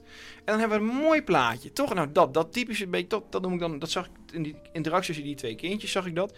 Denk ik, ja, ik zou niet zo snel dat een jongetje tegen een ander jongetje zou zeggen. Hé, hey, je moet daarvoor stoppen. Op zo'n. Denk ik, nee, nee, dat weten die jongetjes wel. Je, dus- Ten, tenzij dat kind dan voor de trein komt, dan denk je van kut, ik had iets moeten roepen. Nou ja, op lange termijn, in the great scheme of things, heb ik dan meer aanstoot aan dat, aan, aan dat be- betuttelende, controlerende eh, eh, element wat echt overal inkomt en alles verstikt. Hè, van, van, ons, van, van onze arbeidsvreugde tot aan, tot aan onze sociale interacties die aan een politieke meetlat onderworpen worden. Dan, dan, dan offer ik liever een paar op, om tenminste daarvan af te zijn. Je zou bijna Ja. hopen dat het kind gewoon doorloopt, zeg maar. Nee. Oh. Dat nemen we niet. Oké. Te, te macaber dan weer. eh. Ja, da- ja. Eh, ja, betuttelend. Is Nederland altijd betuttelend geweest? Ja, maar wel veel erger sinds dat. eh, ja, wel veel zo- erger. Ja. je Wel veel erger, ja. ja. Maar is dat, je had met de Jodenvervolging toch al? We hadden dan alles keurig opgeschreven waar iedereen zat. En de burgerlijke stand is precies wel. Ja, daar hebben ze gewoon aan de naties gegeven. van, Oké, hier doe je ding ermee. Ja, toen wisten ze dat. En toen was alles al helemaal keurig en nauwkeurig opgeschreven waar iedereen woonde. Het moest allemaal, allemaal in kaart gebracht zijn. En dat willen we al kennelijk allemaal netjes, precies volgens de regeltjes allemaal doen. Ja, en met corona weer hetzelfde. Allemaal netjes QR-codetje. En allemaal rebels volk. Allemaal grote bek. Puntje bij het paaltje. En we allemaal protestanten. Die denken dat we een overheid die, niet- die door God ge- gezalfd is. En die ongetwijfeld het beste met ons voor zal hebben. In zekere zin is onze overheid door God gezalfd, toch? Hoe hoe bedoel je dat? Het Koningshuis en zo. Nee, want onze koning is ingehuldigd. Die is niet eh, ingezworen. Die is ingehuldigd. Heeft de paus niet... eh, is hij niet... ehm, eh, De paus heeft er niks mee te maken, want sowieso is Nederland geen katholiek eh, staat. Hè? We hebben natuurlijk die generaliteitslanden gehad. En, eh, en van, van Oranje was natuurlijk, waren natuurlijk hyperprotestanten. Tot en met, eh, tot en met eh, Maurits, ja, die was zelfs contra-remonstrant. Nou, dan weet je het wel. Hè? De abso- absolute eh, eh, helsbestemming en de absolute... ehm, ja, determinatie. Dus dat God op elk niveau al besloten of je naar de hemel of naar de hel zou gaan, nog voordat je geboren werd. Ja, dat, dat, daar, daar komt onze koning. Ja, natuurlijk is het allemaal gelul, want er is een Napoleontische onderbreking geweest en Willem III, stadhouder koning, had geen kinderen, bla bla bla bla. Maar anyway, eh, Oranje is natuurlijk vanuit huis echt een super protestants verhaal. Ja, want uiteindelijk eh, is het, eh, zijn het allemaal nazaten van de zwembadjongen of zo, toch? Ja, daar moet maar een of andere wappie over komen praten. Wat ik gewoon weet in algemene lijn, dat onze, onze Oranjes maar heel via een indirecte manier eigenlijk verwant zijn aan de originele stadhouders. Ja, en, maar, maar dat maakt de Nederlander, gemiddelde Nederlander met gereed uit waarschijnlijk. Nee, maar die discussie over Koningshuis hebben we vaker gevoerd, toch? En dat leidt tot gewoon een... En jij bent een uh, koninklijkshuisagnost of zoiets. Ja! Goeie, ja, hey. Zie, ik zei toch, ik pomp allemaal woorden en ideeën de maatschappij in. Ja, je plakt gewoon overal agnost blijven... achter en dan hoef je er niet nee, mee te bemoeien. Huh? ik ben complotagnost ja, en koningshuisagnost. Ja, nou, niet, dan beschrijf je al heel veel dingen uit. Ja, dat is toch maar goed ook, ook daar energie mee aan te verspillen. Uh, maar de complotten zijn zo leuk. Net zoals aliens, dat je niks hebt met aliens. Is toch leuk? Ja, maar weet je wat dit is, Peter? Ik zal er één zin zo ervan, ervan afmaken. Gesprekken over aliens gaan nooit over aliens, maar gaan altijd over de grenzen en de rijkwijde van het menselijke ken- en inplaats en, en, en inlevingsvermogen. Er was een persconferentie van Stephen Greer en een van de mensen, klokkenluiders, hij had vijf klokkenluiders, die vertelde een verhaal dat hij vanuit zijn uh, uh, positie als uh, marinier een ander setje mariniers tegenkwam zonder emblemen. Mm -hmm. En daarachter stond een UFO. En die waren ze aan het volladen met drugs. Oké. Okay. Dus er schijnt schijnbaar... En dit van... is een, een, visioen geweest van iemand? Nee, nee, nee, dat heeft hij echt meegemaakt. En hij uh, heeft dat uh, gerapporteerd. En het is al die tijd is dat... Uh, en het is allemaal gedisclosed, wordt dat nu... Oké. Okay. En, en, waar was dit gebeurd? In Amerika. En in Zuid-Amerika was het dan okay. die, die, die desbetreffende interactie. Zo. So. Dus, maar er zijn schijnbaar dus ook ufo's met gewoon drugscriminelen. Gewoon... de CIA, weet je wel. Net zoals, zoals in Zuid-Amerika gewoon... Uh, ook, ook, weet je wel, gewoon wat in Zuid-Amerika gaan dus met de CIA, alleen dan met ufo's, weet je wel. Ja. ja. Nou ja, wie weet wordt Kennedy president, wordt het allemaal disclosed. We gaan het zien. En, en je hoorde natuurlijk al een beetje net uh, iets mee van de Discord over de, de Bakmoed Stargate. Vertel dat hier maar even. Ja, nee, nee, maar die weet, mensen die, die kijken, die weten van de Bakmoed Stargate. het komt recht, recht uit, uh, uit, uit Straight from the horse's mouth. Ja, ja, ja. Is, is, van de Mickey's mouth is dat gewoon. Uh, ja, Ik hoorde dat toevallig, oh my god. ja, de bak moet... Ja, uh, bak dat er dus een space... Dat er dus onder Bakmoed een Space Stargate is... met geheime technologie van Ancient Civilizations... en dat, dat de Oekraïners en de Russen eigenlijk vechten... om wie dan de toegang zou hebben tot die Stargate. Ja, want je had ook nog iets anders. Je had ook ergens... Had je dat is hoe ik het geïnterpreteerd heb. Want je had, dit was de Bakmoed Stargate... maar je had ook nog de, een andere dorp... of een andere dorp waar het om ging... En daar zat een, um, een, een ja, weet je wat het nou is? Een, ik, Space Ark zat Ik daar. lach er nou wel om, Peter. Maar inmiddels is zoveel normaliteit absurd geworden... en zoveel absurditeit genormaliseerd... dat als het morgen allemaal waar blijkt... denk ik, oh ja, oké okay, dan. Dat dat mijn enige reactie zou zijn eigenlijk. Nou ja, de laatste tijd komt er natuurlijk wel gewoon op, op nieuwszenders en zo. Hè? Dus uh, je hebt hier bijvoorbeeld hier, ik, ik zoek even UFO's Let's go. op. En je hebt hier 14 uur geleden een stukje uh, van uh, N, N, NBC Nieuws met Dr. Michio Kaku. Ken je wel toch? Dr. Michio Kaku. Is die natuur... The the theoretisch natuurkundige. Aha. En die is met stringtheorie bezig en dat soort dingen. Okay. En, zo. en die gaat over UFO's vertellen dan op het ga, nieuws. Ga je nog zeven minuten over dit kijken? Weet ik niet. Kijk even hoe ver we komen. Okay. US lawmakers are saying about all of this. You know, things are very confusing right now, and deep fact checking takes time, so just know that I am working on it. But speaking of time, we always have time to talk about the biggest questions in the universe with a professor I consider to be one of the greatest minds in the universe, none other than theoretical physicist Dr. Michio Kaku. Uh, professor, thank you so very oh, yeah. much for joining us. I know you've been following this whole UFO, UAP, Congress finally taking things kind of seriously saga. Um, but let's just put all that aside for today because so much of the conversation today about UFOs seems to be centered around this idea that if they do exist, they have come from some other planet. But instead of just asking where they come from, do you think we should be asking when?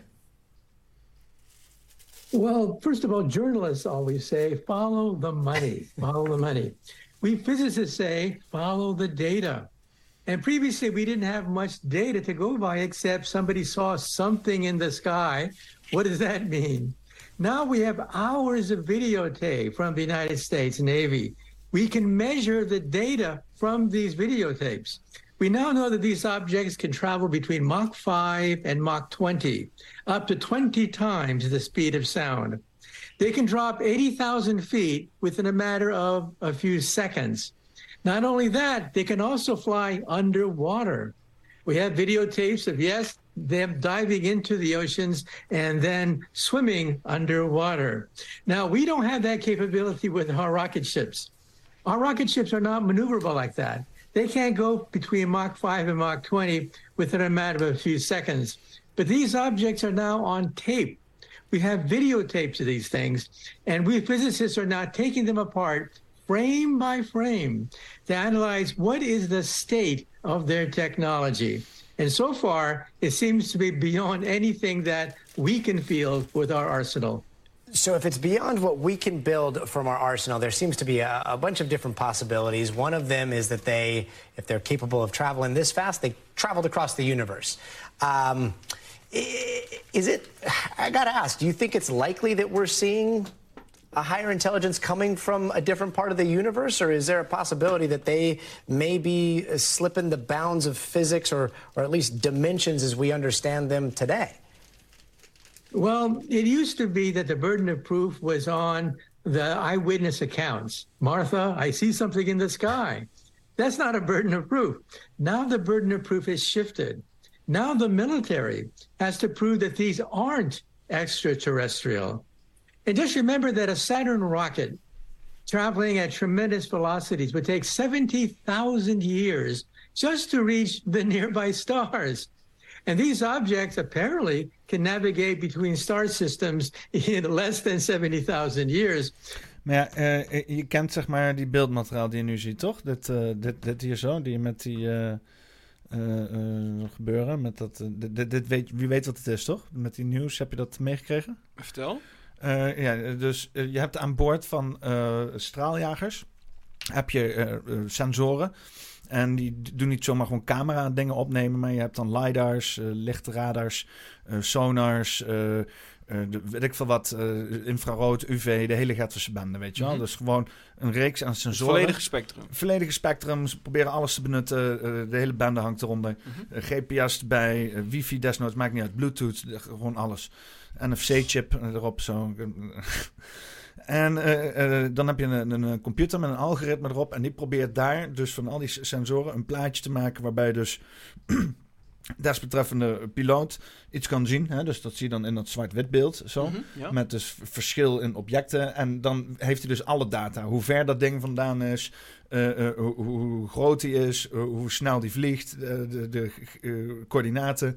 Kan er meteen ook op inlokken en zo. En dan Mhm. gaat er, wordt er een raketje geprogrammeerd. En die gaat gewoon een paf en zo dat soort dingen. Ja. Dus... Het is beter als camera. Hè? Dus het Ja. is niet. Ja, dus dat er beter- meerdere sensoren of meerdere data uit het spectrum worden geregistreerd. Weet je, dus, dus, dus die shit die je daar leest, dat is behoorlijk fucking accuraat. Weet je wel? Dat, dat, is, dat, dat is keer op keer bewezen, zeg maar. Dat is, daar hangen levens vanaf, dus dat is behoorlijk accuraat. Nou, die dingen meten dus de- deze shit. Hè? Dus, dus objecten eh, die eh, eh, versnellen van 0 naar eh, Mach 20 in één seconde. Mhm. Die gaan in één keer in een hoek van 90 graden. Eh, Ja, ze ook, inderdaad van de dampkring tot en onder water. Ja, ja, verdwijnen in één keer onder water van allerlei shit. Dus eh, vandaar vragen ze dus nu af, wat de fuck zijn dat? Weet je wel? En dan kom je al heel snel bij het hele UFO-verhaal. Ze noemen het dan ook dan nu UAP's. hè? dus eh, Ja. Unidentified Aerial Phenomena. Mhm. Eh, maar, maar vind het niet leuk om daarover te filosoferen? Om te denken van, oh, oh wat de fuck zou dat zijn dan? Ja, misschien zijn het wel deeltjes die sneller dan het licht reizen en die op die manier terug in de tijd bewegen. Kijk, hoe ik, het, hoe ik het altijd begrepen heb, dat het best wel veel van het universum om ons heen in kaart is gebracht. Hè, dus rondom een aantal lichtjaren.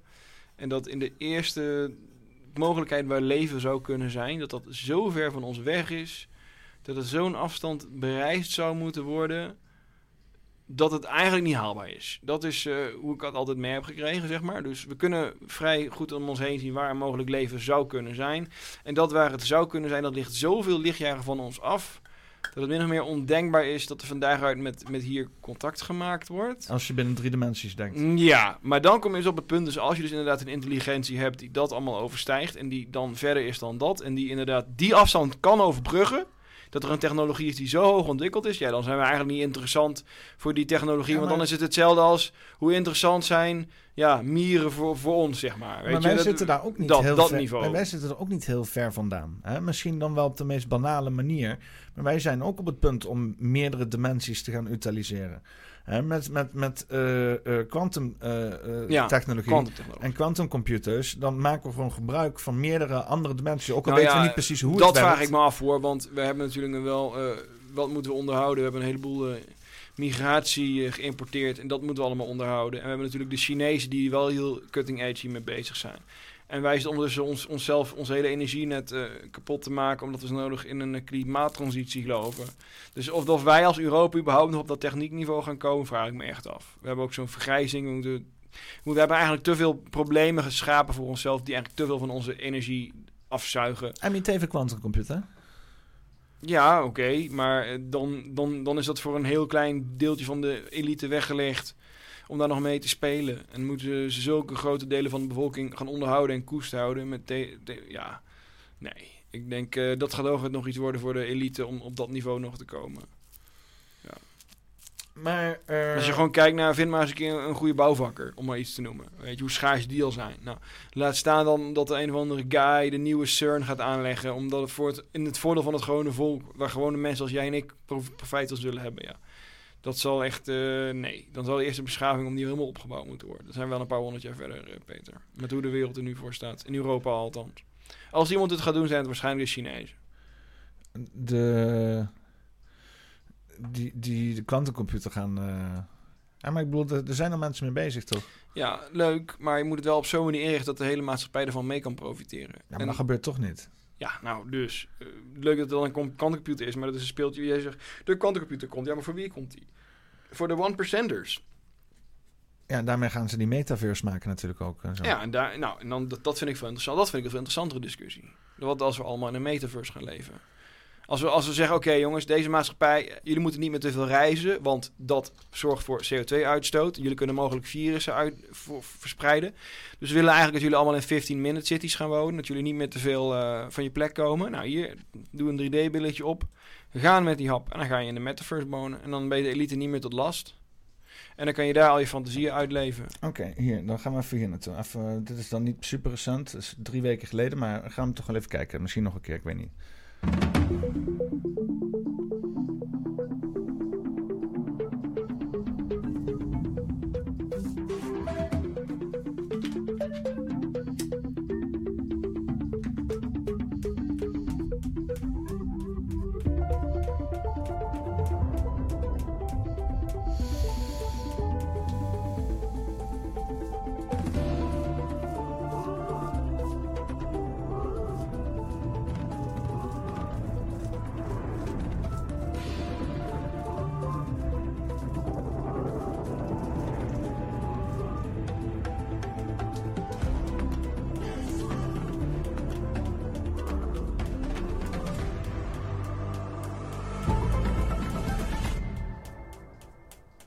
Introducing Apple Vision Pro.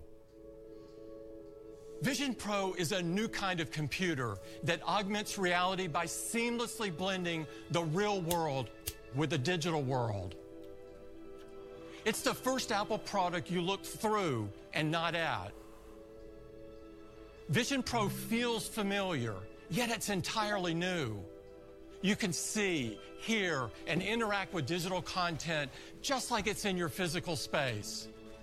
And you control Vision Pro using the most natural and intuitive tools your eyes, hands, and voice. With Vision Pro, you're no longer limited by a display. Your surroundings become an infinite canvas. Use your apps anywhere and make them any size you want. Capture photos and videos and relive your most important memories in an entirely new way. Watch your movies, shows, and sports and immerse yourself in games on a giant screen surrounded by spatial audio. and connect with people as if you're sharing the same space. These are just some of the ways that Vision Pro Bli- Ga je hard op deze shit? Peter, ik moet even een compliment uitspreken. Ik bewonder jouw gretige geest. Want jij blijft jezelf overal in verdiepen. UFO's en, en, en, en allerlei tech dingen. En ik, ja, ik, ik, wil het even, ik heb er bewondering voor. Dat je jezelf... Ik denk dan weer, ah, ja, daar komt weer. Weet je wel, ik denk op een gegeven moment, ja... Maar jij blijft er toch een soort gretigheid naar houden en een soort nieuwsgierigheid. Weet je hoeveel shit er Ja. gebeurt, Zit? Er gebeurt Ja. zoveel shit in de wereld. Ja. Het is, eh, ja, ik, ik vind het allemaal fascinerend. Ik stoor me ook wel eens aan dingen. Maar daarom doe ik er ook dit mee, weet je wel. om Ja, er maar ik denk van, oh ja, daar gaan we weer. Want dan gaat het natuurlijk weer, dan komt het tussendoor weer. En dan krijg je, denk oh, dat is interessant. Iets over nieuwe technologische ontwikkeling. En dan krijg je, ja, sustainability, climate change, inclusivity en diversity. En bla, dat zit allemaal weer propaganda. En dan denk ik, fuck off! Weet je wel. En als het dan gaat over echte technologisch, dan denk ik, ja, heb ik toch Ja, allemaal maar al dit is natuurlijk wel een, een, een, eh, een climate change natte droom. Hè? Die, die kan gewoon eh, tien man in een bunker stoppen. Met er gewoon een, een spuit met insectensap in de darmen. en dan kunnen ze gewoon lekker, eh, weet ik veel, gaan kontneuken met z'n allen, weet je wel. met regenboogdildo's. Had je weer gezien was met de Gay Pride eh, dit jaar weer allemaal mensen die naakt overal Ik stonden kijk te dat dansen? nooit, Peter. Ja, ik, ik, ik, ik kijk dat nooit. je, Ik zegt net alsof ik het dan wil zien of zo, weet je. Ja. Alsof ik dit soort dingen opzoek of zo. Ja, yes. Hmm, Heb je ook de- gezien Sin met de gay? de- Nee. Wat doen nee, de Pride mensen vandaag weer? Nee, niet gezien, nee, Peter. Heb ik vrede mee. Ja, er was Ja. zoveel ophef dat het mijn kant op kwam, weet je wel. Dus Hmm. dat is meer zo. eh. Nee, er, er waren allemaal eh, kinderen natuurlijk meegenomen. Dat is dus normaler om allemaal kinderen mee te nemen naar die, gay- naar gay pride. Maar nu was het ook heet. Dus alle, alle mannen stonden naakt, alle vrouwen stonden naakt. Dus allemaal naakte mensen. Dus ja, je had dan de situatie waarbij dan mensen hun kinderen meenemen naar een parade waar allemaal mensen naakt staan. Ja, maar dat is toch al jaren zo met die gay parades. Er wordt gewoon een soort Ik ben nog nooit naar een gay hedon- pride geweest. hedonistisch orgie. Maar ja, het is allemaal inclusief, dus je mag er geen kritiek op hebben, want anders ben je homofoob. Oké dan. Maar vergelijk het eens met carnaval in Brazilië bijvoorbeeld. Ja. is ook naakt, naakt vrouwen en zo, bloot titel. Ja, ja, misschien moet ik keer op bezoek gaan. Keer voor crowdfunding, gaan we met z'n tweeën naar carnaval in Brazilië. Gaan we er een live rapportage over maken. Lijkt me wel tof. Proberen nog het land uit te komen hier. eh, ja. Ja, ja, nu nog kan. Nu nog kan. Ja, ja. Ik wil graag naar Brazilië. Misschien vindt de. IVD het wel fantastisch als wij dat gaan doen. Want dan zijn we daar. Dan zijn we hiermee bezig. Hey, IVD, MIVD. Als jullie dit zien, vinden jullie dat Peter en ik ook gewoon een eh, tijdje naar, eh naar eh, Is dat, niet moeten? gewoon, is dat niet een goed, goed, een goede reden om subsidie aan te vragen? Ja, ik denk het wel. Want of we zitten hier mensen te, te redpillen met complottheorieën. Dit is de of we gaan daar gewoon lekker feesten en partyen. Wat hey, elite. Wat willen jullie nou liever? Beste Hey. kunstsubsidie mensen. Willen jullie Hey. twee bij de hand rechts instituutskritische jongens in Nederland of gewoon lekker weg hebben hier? Subsidie nu rechts naar het buitenland. Ja. Gewoon ja, ik vind het een hele goede deal. vakantie. Ik eh, weet zeker dat ze dit kijken, want dit is top 1 complotkanaal. Dus dat wordt gekeken. Top 1 complotkanaal. Nee, dat is Mickey nog altijd. Van, Ah. van complotmedia.nl. Ja, ik weet dat niet. Ik kijk dat niet. ik ben complotagnost. Ja, ik, denk, ik denk dat jij wel leuk vindt. Je moet eens een keer Mickey gaan kijken. Gewoon eens een keer als je een keer echt niks te doen hebt. ja, maar ik heb nooit niks te doen, want dan speel ik Supreme Command. Je had gezien, hè? Als je, als je had gezien hoeveel uur ik had, hè? als, als, als je een keer een writersblok hebt of zo, weet je, dan zet je een beetje complotmedia.nl op. Ga je even wat alien shit tot je nemen, weet je. Dan hoor je welke rassen wat aan het doen zijn, aan welke agenda horen, weet je wel. Hij gaat zeg maar die, die politieke, geopolitieke agendas gaat hij koppelen aan allerlei mythische alienrassen, weet je wel. Dus Oh. dan ga- zo zie je zeg maar de, de, de daadwerkelijke, dan hoor je niet zeg maar alleen Thierry Baudet zeggen van, oh ja, een reptielen en zo. Nee, je hoort wie, welke reptielen, waar, van welke planeet, wat hun agenda is, hoeveel duizend jaar ze hier al aan het zitten, met wie ze oorlog hebben, eh, wie, wie- wat, wat, wat die eh, aliens weer niet doen voor die multidimensionale wezens, voor Ja. die... Daar is trouwens een boek over. Dat agenda. heet The Dark Forest, volgens mij. Ja? Ja, het is een fictieboek. Maar dat is volgens mij wel een boek wat daarover gaat. Heb ik niet gelezen, maar ik weet dat het bestaat. Ja. Dat is een trilogie. En dat boek gaat er een beetje over van... Wat nou als een alien species is helemaal klaar, hun eigen planeet is op. En ze moeten een nieuw planeet. Dus gaat de, de aarde. Maar ja, ze kunnen niet zomaar hierheen komen, want dat is gedoe. Dus heel subtiel injecteren ze eigenlijk al informatie in, de, in ons. Eigenlijk vanuit de, vanuit de toekomst naar hier toe, zeg maar. Gaan ze al mensen beïnvloeden. om eigenlijk een soort, soort cataclysmische ineenstorting van de mensensamenleving al voor te bereiden. Dus eigenlijk op een gegeven moment komen mensen en zeggen: Oh, wacht, de aliens zijn er al. Ze gaan komen. Hun ogen zijn op onze planeet gevestigd. Maar waarschijnlijk gaat het nog een aantal decennia duren voordat ze echt komen. Maar de aliens bereiden hun komst voor door alvast chaos te veroorzaken in de menselijke maatschappij zodat wij niet meer eensgezind zijn, dat onze technologie niet meer op het juiste pijl is en dat we eigenlijk als een soort plumpudding in elkaar stort, dat de aliens hier makkelijker zich in kunnen voegen en het kunnen overnemen. Dat is de premisse van het boek. Maar dan komt vervolgens, oké, ben jij gewoon incompetent? Dat je, dat je nu dat je, dat je, dat je er zo'n zootje van maakt? Of ben je daadwerkelijk door een alien beïnvloed? Ja, en dan, dan je op het moment dat je die vraag moet stellen, is je werk eigenlijk al voltooid, toch? Dan zijn we al op dat niveau waar we geen natuurlijke camaraderie meer hebben, geen natuurlijk vertrouwen meer in elkaar hebben. Dat, en, en, dat, nou, en dat is de premisse van het boek, zeg maar. Ja. En wanneer was dit geschreven? Volgens mij een jaar of zes geleden. Oh, oké. Ja. Ja, het, het, het, het, zou wel een hoop verklaren waarom alles zo uh, raar is. Het ja, maar dit is fictie, ja. Dit is ook niet... Maar goed, aan de andere kant... Uh, de, de, de gekkigheid van de wereld verbluf je altijd veel meer dan de, dan de onzin in de fictie staat opgeschreven. 1984 was ook fictie. De gekkigheid van de wereld verbluft je veel meer dan de onzin die in de fictie staat opgeschreven. Ja. En hebt natuurlijk een, uh, een, uh, een, uh, een, fenomeen zoals predictive programming. Dat, dat heb ik al over gehoord, ja. Dat het, dat, dat al op dat niveau is. Dat is al door het leger, zeg maar. En dat er dan een soort... Een aantal militairen hadden een soort oefening bij van spreken alsof je met een soort laserguns gaat te schieten of zo. Maar dat waren dan andere soorten geweren. En een aantal gangen moesten ze door. En ze waren al in staat om iemand zo te manipuleren dat hij dacht van... Oh, die deur stond open. Nee, die deur stond helemaal niet open. Die deur was dicht. Maar ze hadden zijn, zijn herinnering zo weten te beïnvloeden. Ik weet niet hoe ze dat gedaan hebben. Maar dat hij dacht dat die deur, uh, dat die deur open had gestaan. Ja. Nee, het, het, is, het is dus gewoon door middel van uh, uh, popcultuur, nieuwsberichten. Uh, Dit is meer subliminal messaging, wat je nou. Kom je nou, Yuri Besmanov? Ja, nou maar ja, maar, maar daarin dus al mensen voormasseren om een bepaald narratief makkelijker te gaan geloven, weet je wel? Ja, maar dat is toch. Daar, daar kom je weer uit. Daar kom je weer terug bij het begin uit van ja we kunnen of twee dingen doen. Of we gaan het inderdaad hebben over waarom zijn zoveel mensen gefrustreerd. Ja, dan komen een paar punten. Eén, het overdragen van controle over ons dagelijkse leven naar bestuursorganen waar we eigenlijk weinig band mee hebben. En dat wordt volgens weer geoutsourced naar, gaan we door, de VN, de EU. Waardoor het nog verder buiten onze directe volksinvloed komt te liggen. Opgeteld bij een massale immigratie, schuldenbubbels, inflatie. En dat allemaal weer tegen de achtergrond van onhaalbare klimaatplannen. Uh, stikstofwetjes die onze productiviteit ondermijnen.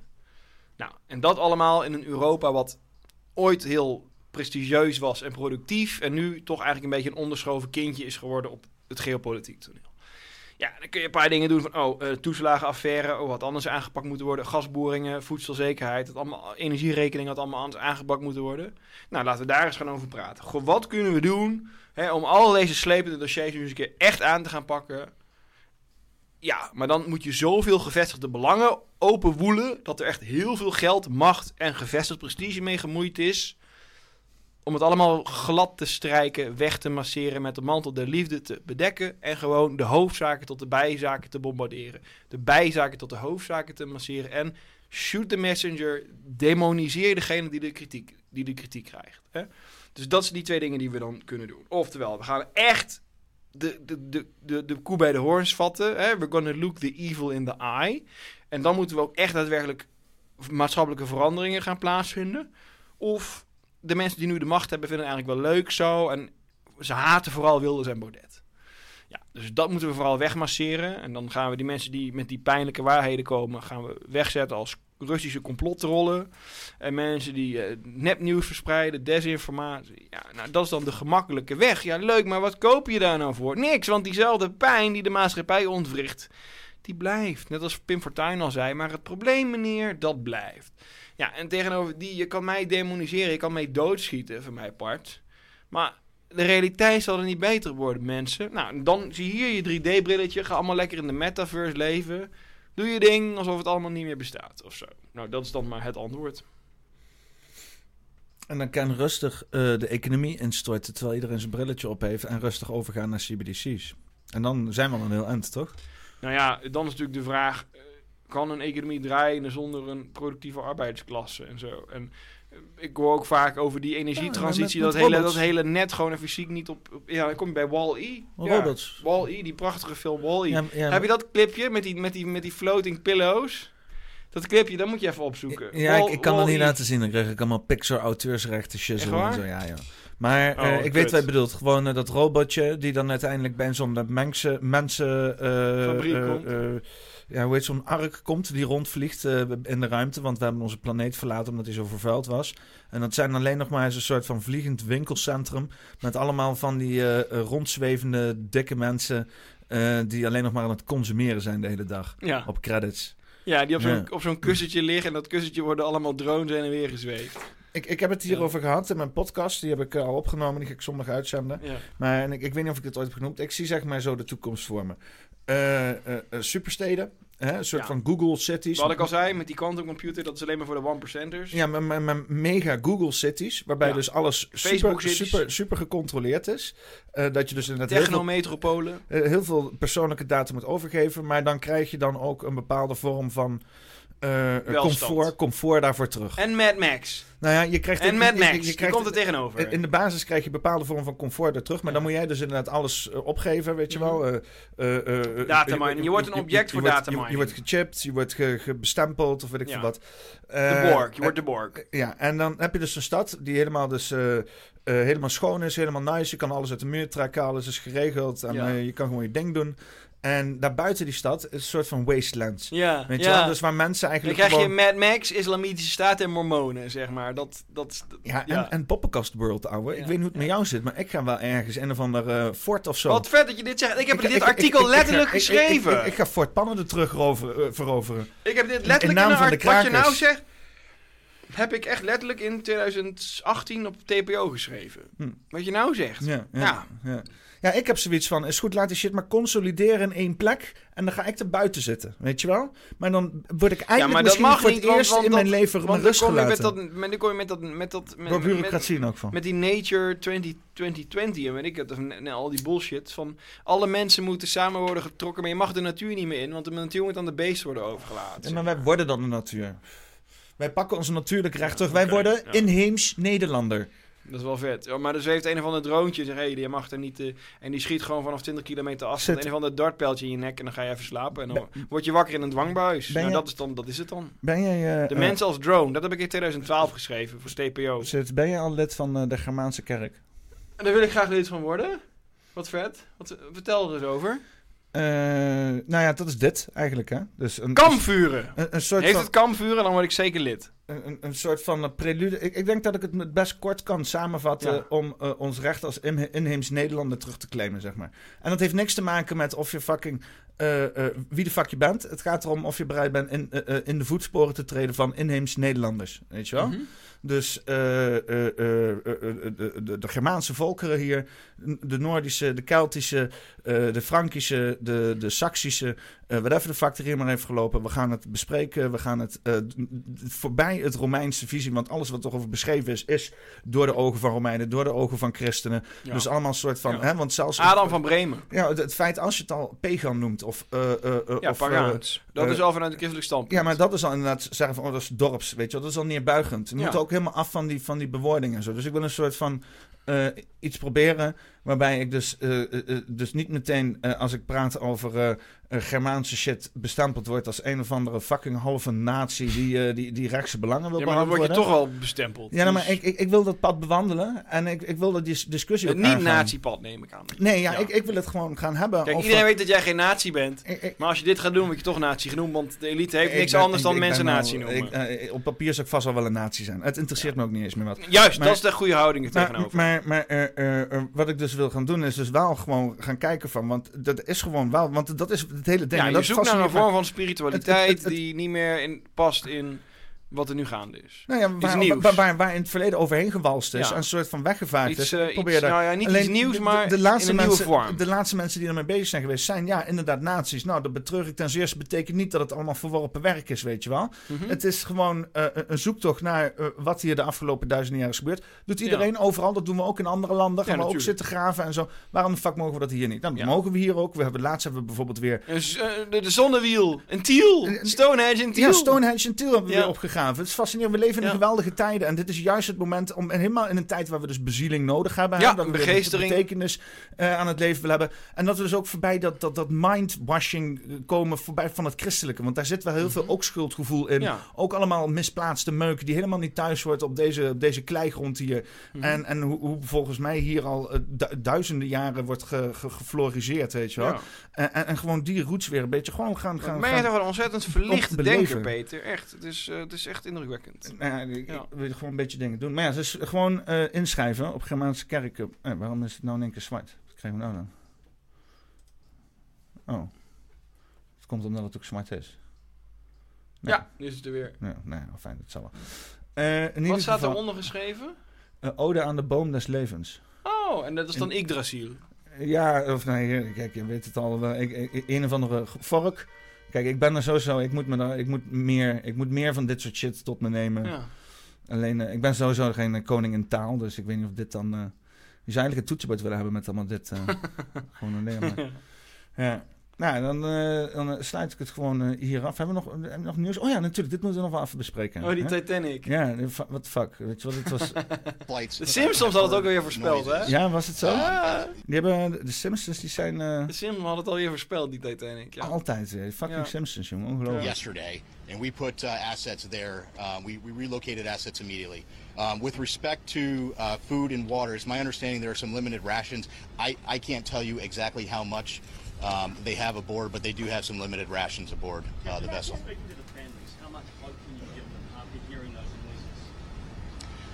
Listen, you, I, I think you need to be careful. Um, you- you- we, we, we need to have hope, right? But, but I don't. I can't tell you what the noises are. But what Maar ja, dus eh, je had inderdaad. eh, eh, eh, eh, ja, er is iets gezonken. Ja, we, we zien misschien brokstukken. Oh, we horen iets van getek. Ja, we horen iets van gezoem. Geklop, ja. En, eh en. En uiteindelijk bleek dat ze al twee dagen geleden wisten ze al gewoon dat het ding was opgeblazen en zo. Dus ze hebben het gewoon, je zegt dat ze die mediarumoeren verspreid hebben om de mensen en de hype te houden. En het, het lijkt heel ze erg aangehaakt te houden. Ja, ze, ze- de mensen hadden gezegd. er was geen gerucht omdat Biden had gezegd van. Biden, ja, oké. van, van, van nee, nee, nee, wacht er nog maar twee dagen mee met het melden daarvan. Alsof Biden het boeit wat twee random miljonairs in een submarinetje doen. Weet je wel? Zal, zal het een boeien met die hele Hunter Biden laptop gebeuren? Ja, nou, dat, is toch, dat, dat blijft toch wel eens een zwaard van Damocles boven hem hangen. Ja, want dat was dus of dus hij nou wel of niet in een submarine naar beneden gaat. Kijk, mensen gaan uiteindelijk stemmen voor Biden omdat ze Trump niet willen en omgekeerd. Dus die laptop gaat er niks aan veranderen. Toch? Of je wilt deugen of je wilt Trump. Nou ja. En eh, die laptop is misschien slecht nieuws voor Biden, maar alle gevestigde belangen gaan er niet door veranderen. Toch? In principe niet, nee. Nee, dus het boeien. Vind Zijn vrienden zullen het hem vergeven en zijn vijanden zullen het hem blijven nadragen. Is het niet hoopvol dat die fucking mensen die dit dus allemaal, hè, waar we met z'n allen niet zo heel tof vinden en zo, het beste wat zij konden fixen is Biden? Dat is toch hoopvol? Dat betekent dat ze toch niet heel veel kwaliteit mensen praten bestaan. dat is waar, ja, gelijk. Ja, ja Biden. Want, nu zijn ze ook uitgespeeld. Ze hebben hun laatste kaart gespeeld en dat was Biden of zo op een of andere manier. ja, laatste kaart is Biden. Get the Biden! We need to play our laatste last kaart card. was Biden. Ja. ja, dat is wel waar, je hebt wel gelijk. Ja. Eh, Kamala Harris die, is ook al echt al 60 keer door de mand gevallen. Die is Ja, maar, niet zo vaak... ja, maar door de mand vallen, wat betekent dat nog? Wat is nou door de mand vallen dan?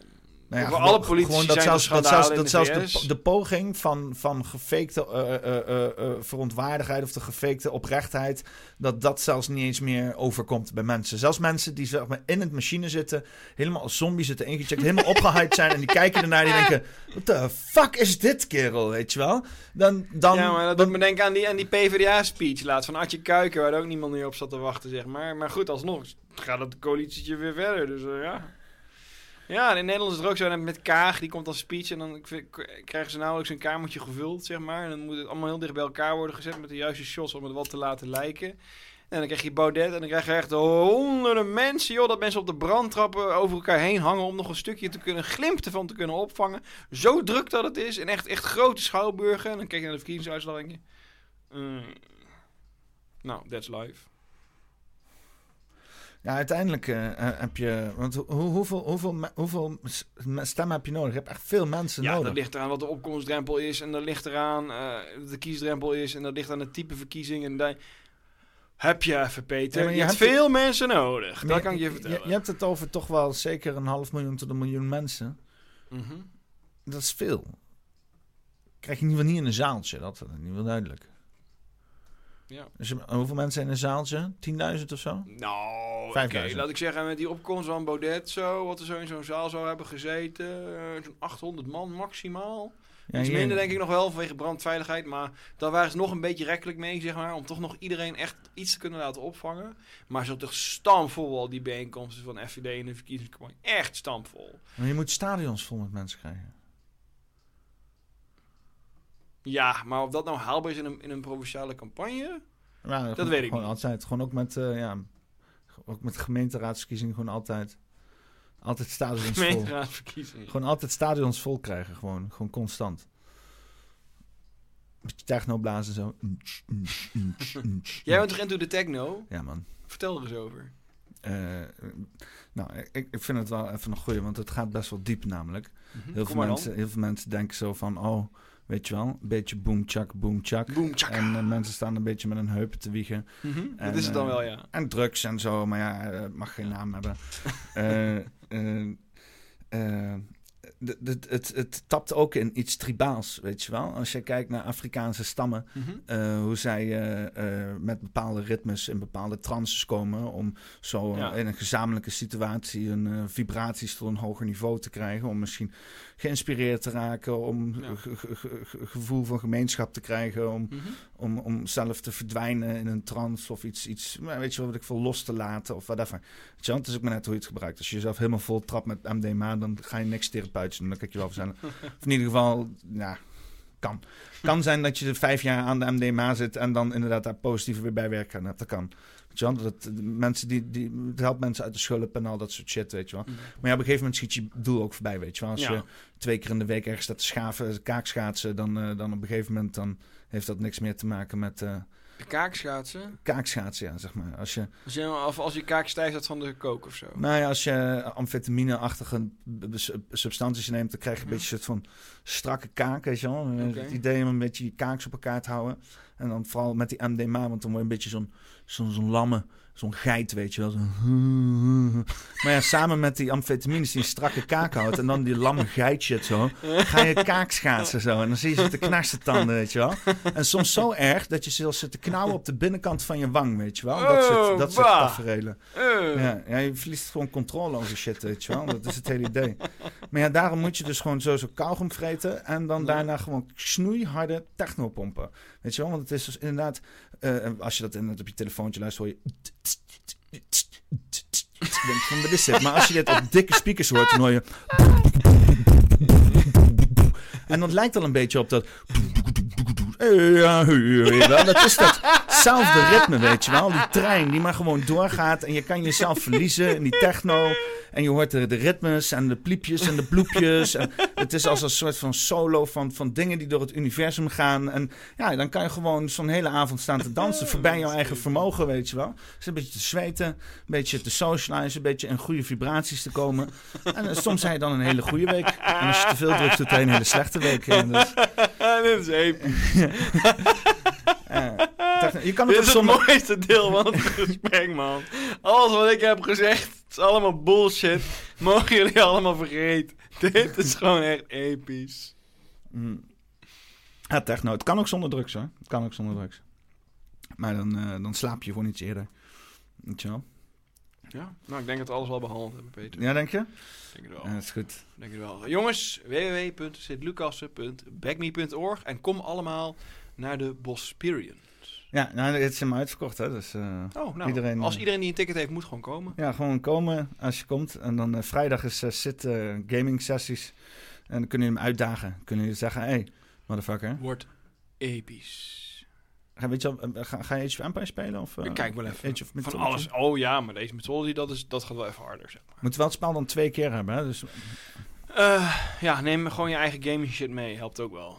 neem je eigen gaming shit mee. Er wordt echt één grote bende van draaien. en Dat zo. fantastisch. Eh. Dat wordt- wordt magnifiek. Oh, man. Oké, eh, ja, dan ga ik hem afsluiten. Dan eh, even kijken. Fijne avond, mensen. Eerst- Fijne middag als je het overdag kijkt. Als je geen leven hebt, go for it. Dan heb je iets goed gedaan. Ik, ik, denk wel dat ik nog eerst heel even... overdag tijd hebt om dit te kijken, heb je wel iets goed gedaan in je leven. Dan ben je geen slaaf geworden. Ja, ja, dat vind ik een goed uitgangspunt. Ja, vind ik wel. ja. Eh, Zit je niet onder de plak. ja, ben, ben ja, geen, geen loonslaaf. Nou, je kan natuurlijk ook gewoon keihard afgekeurd zijn of dat soort dingen, weet je wel. Ja, en dan nog is beter dan je ziel verkopen voor iets waar je niet achter staat. Beter als loonslaaf zijn. Even kijken. Ja, kijk aan. Die zocht ik. Nou, dan eh, was dit eh eh, eh, nummer 1. oh ja, maar even, ik moet eerst nog even wat dingetjes doen. Hè. Ik moet even, even de chat natuurlijk heel even benoemen. Wie zitten er nog allemaal eh, in de chat? De diehards, de hardcorders. Hoeveel mensen hebben al weg, eh, weggeschokt? Mensen bij de Twitch even bedanken. Eh, het is één grote bende, jongen. Wat is, wat is er nou allemaal aan de hand, joh? Ik kan helemaal niks vinden. Oh, hier is de chat. Dus even kijken. Deelnemers. Even weten hoe het beeld erbij zit. Hoe zien we eruit? Oh, hier zijn we. Oké, eh, eh, Bonnie Josman, Kruist, De Vliegende Hollander, Erik Ideka, Ewout Van Mansum, Jelle Poel, Jos Broersma, Kevin Van Leeuwen, Mansbroek, Martijn, Martijn de Keizer, Nunvi, Oimate, Oldschool, Pauli, Peter Leeuw, Robert Pacino, Zwerm J. Bedankt voor het chatten. Eh, bedankt eh, Sid voor eh, het bijstaan van eh, deze ellende in de wereld. Ja. Het kan, maar, het, het kan erger toch? Het kan erger. Oké.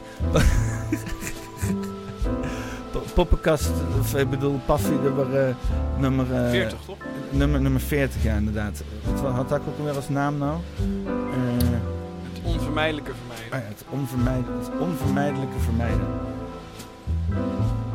En eh, dan wens ik jullie een hele fijne voortzetting van whatever the fuck je aan het doen bent.